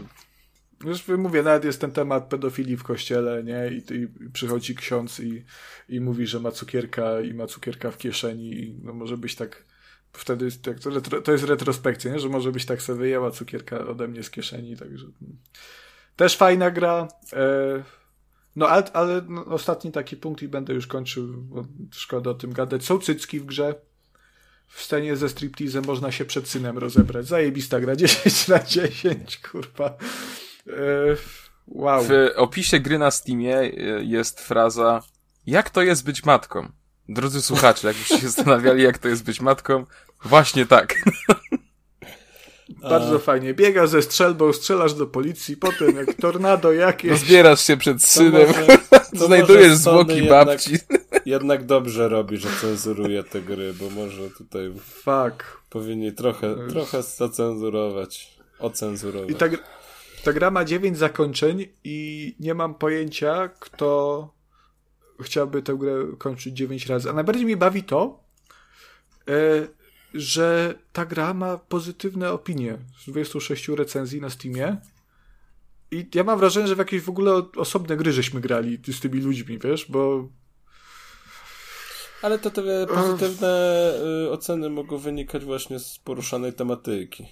no nie no, tematyka Może po nie prostu może to być... uczniu, uczniowie tej szkoły filmowej w Warszawie po prostu bombardują dobrymi ocenami, co by nie plamić, no wiecie, nazwy szkoły, nie? Stary, ja... Czytam jedna z recenzji na Steamie. Za, za Gra ma bardzo dobrze dobraną grafikę. No ta grafika wygląda jakby coś się tam rozlało. No kurwa mać. Fajny system moralny ma. No ten system moralny, ja nie wiem nigdy, co ja powiem, na co, na, co to wpłynie. W ogóle, wiesz, jeszcze a propos, bo sobie przypomniałem, jest to, że jak wybierasz jakiś tam dialog, czy jakąś akcję, e, to się pojawia taka, wiesz, taka ikonka z minusikiem albo z plusikiem, nie? W zależności do której statystyki tam e, jest to dopisywane w górę czy w dół. Tylko czasami ta ikonka, ona się pojawia po lewej stronie ekranu, poza telewizorem i samego minusika albo plusika widzisz, jak idzie. I kompletnie nie wiesz, nie wiesz, wiesz, w co, w co zainwestowałeś teraz. A swoją drogą na telewizorze e, te grafiki są tak kurde małe, że ja, że mimo, że ja mam dobry wzrok, to ja mam problem z rozpoznaniem, e, co one reprezentują. Jeszcze, żeby po, pokrzyczeć, mm, ta w grę grałem, przypominam, na PlayStation 5 e, i ona działa ledwo w 30 klatkach na sekundę. Ale słabe to I ma jeszcze zajebiście straszny screen tearing. Mimo, że tak, ja nie wiem, kurwa, to wiesz, mimo, że to jest brzydkie, te animacje są tak pokraczne, wszystko się mieni od, od shimmeringu, to jeszcze, to jeszcze ten e, obraz, widzisz te po prostu cięcia, nie od, od tearingu, no. Zachęciłeś mnie. Ja też. No, a ten, jakbyście chcieli, to jeszcze ta pełna recenzja, taka już jak to skończę, e, to się pojawi w, w serwisie pograne.eu. Linka wrzucę. Zapraszam. Już no. wszyscy lecą sprawdzić po tej recenzji Fajnie, no tak. To, co, co tam mamy jeszcze? Coś mamy jeszcze lepszego, czy nie? Nie, już dzisiaj, panie Konradzie, rozbiłeś bank po prostu. Zakończyłeś najlepiej jak mogłeś. Ale dopiero jak można było na coś ponarzekać tak konkretnie, to się tak się wszyscy ożywili. To dopiero taka werwa. Po, Polacy. Ja, ja się boję, że ta warszawska szkoła filmowa to będzie to samo jak z grami, jak, że jak widzisz ten, to, to, ten logotyp, to jest tak samo jak tak, idziesz jak do kina i widzisz Polski Instytut Sztuki Filmowej, nie? No, Masz takie, o kurwa. No. Ja, wow. głupoty opowiadacie. A, swoją drogą, jeszcze chciałem, tak off-topowo trochę. Bardzo mi się podoba to, ponieważ do recenzji dostałem klucz i ten klucz zawierał od razu e, DLC w postaci soundtracku. Muzyka jest akurat całkiem spoko. E, tylko bardzo mi się podoba to, że jak się to e, na PlayStation kupi, na Xboxie zakładam jest tak samo, e, to chyba nie ma możliwości pobrania tego na dysk, tylko na konsolę i z poziomu konsoli można tego soundtracku słuchać, także to jest też super. To tak często no, się to zdarza, że sobie na przykład idziesz ziemniaczki obierać i sobie odpalasz soundtrack na konsoli, prawda? Tak, w drugim, w drugim pomieszczeniu. No, rozwiązanie tak, tak, rozwiązanie tak dobre, jak i sama gra. No. Cóż. Także tym e, niesamowicie pozytywnym akcentem i jeszcze, aha, jeszcze tylko wspomnę, że na szczęście Trójkast możecie słuchać i z konsoli, i ze smartfona, ze smartwatcha, z, e, z tabletu, e, z komputera, z, z czego tylko chcecie tak naprawdę. No. Także nie musicie na szczęście słuchać nas z drugiego pokoju, a możecie jak wam tylko wygodnie. E, tym samym dziękujemy bardzo za uwagę, bo już Kuba zasypia, więc dał nam znać, że musimy kończyć albo e, Tak, na mnie, na mnie zbije, wszystko. Na mnie wszystko zgodnie. Jak wróci do Polski. Także za mikrofonami jeszcze raz był z nami Konrad Noga. Dziękuję za uwagę. Dobranoc, do widzenia. Cześć i czołem. Kluski z rosołem zmęczony jak pijak diabli Kubuś Smolak. Bardzo dziękuję za uwagę i do usłyszenia. Dobranoc. E, I ja byłem również Kacper Cembrowski i również dziękuję. Kolorowych snów i papatki. Pa. pa.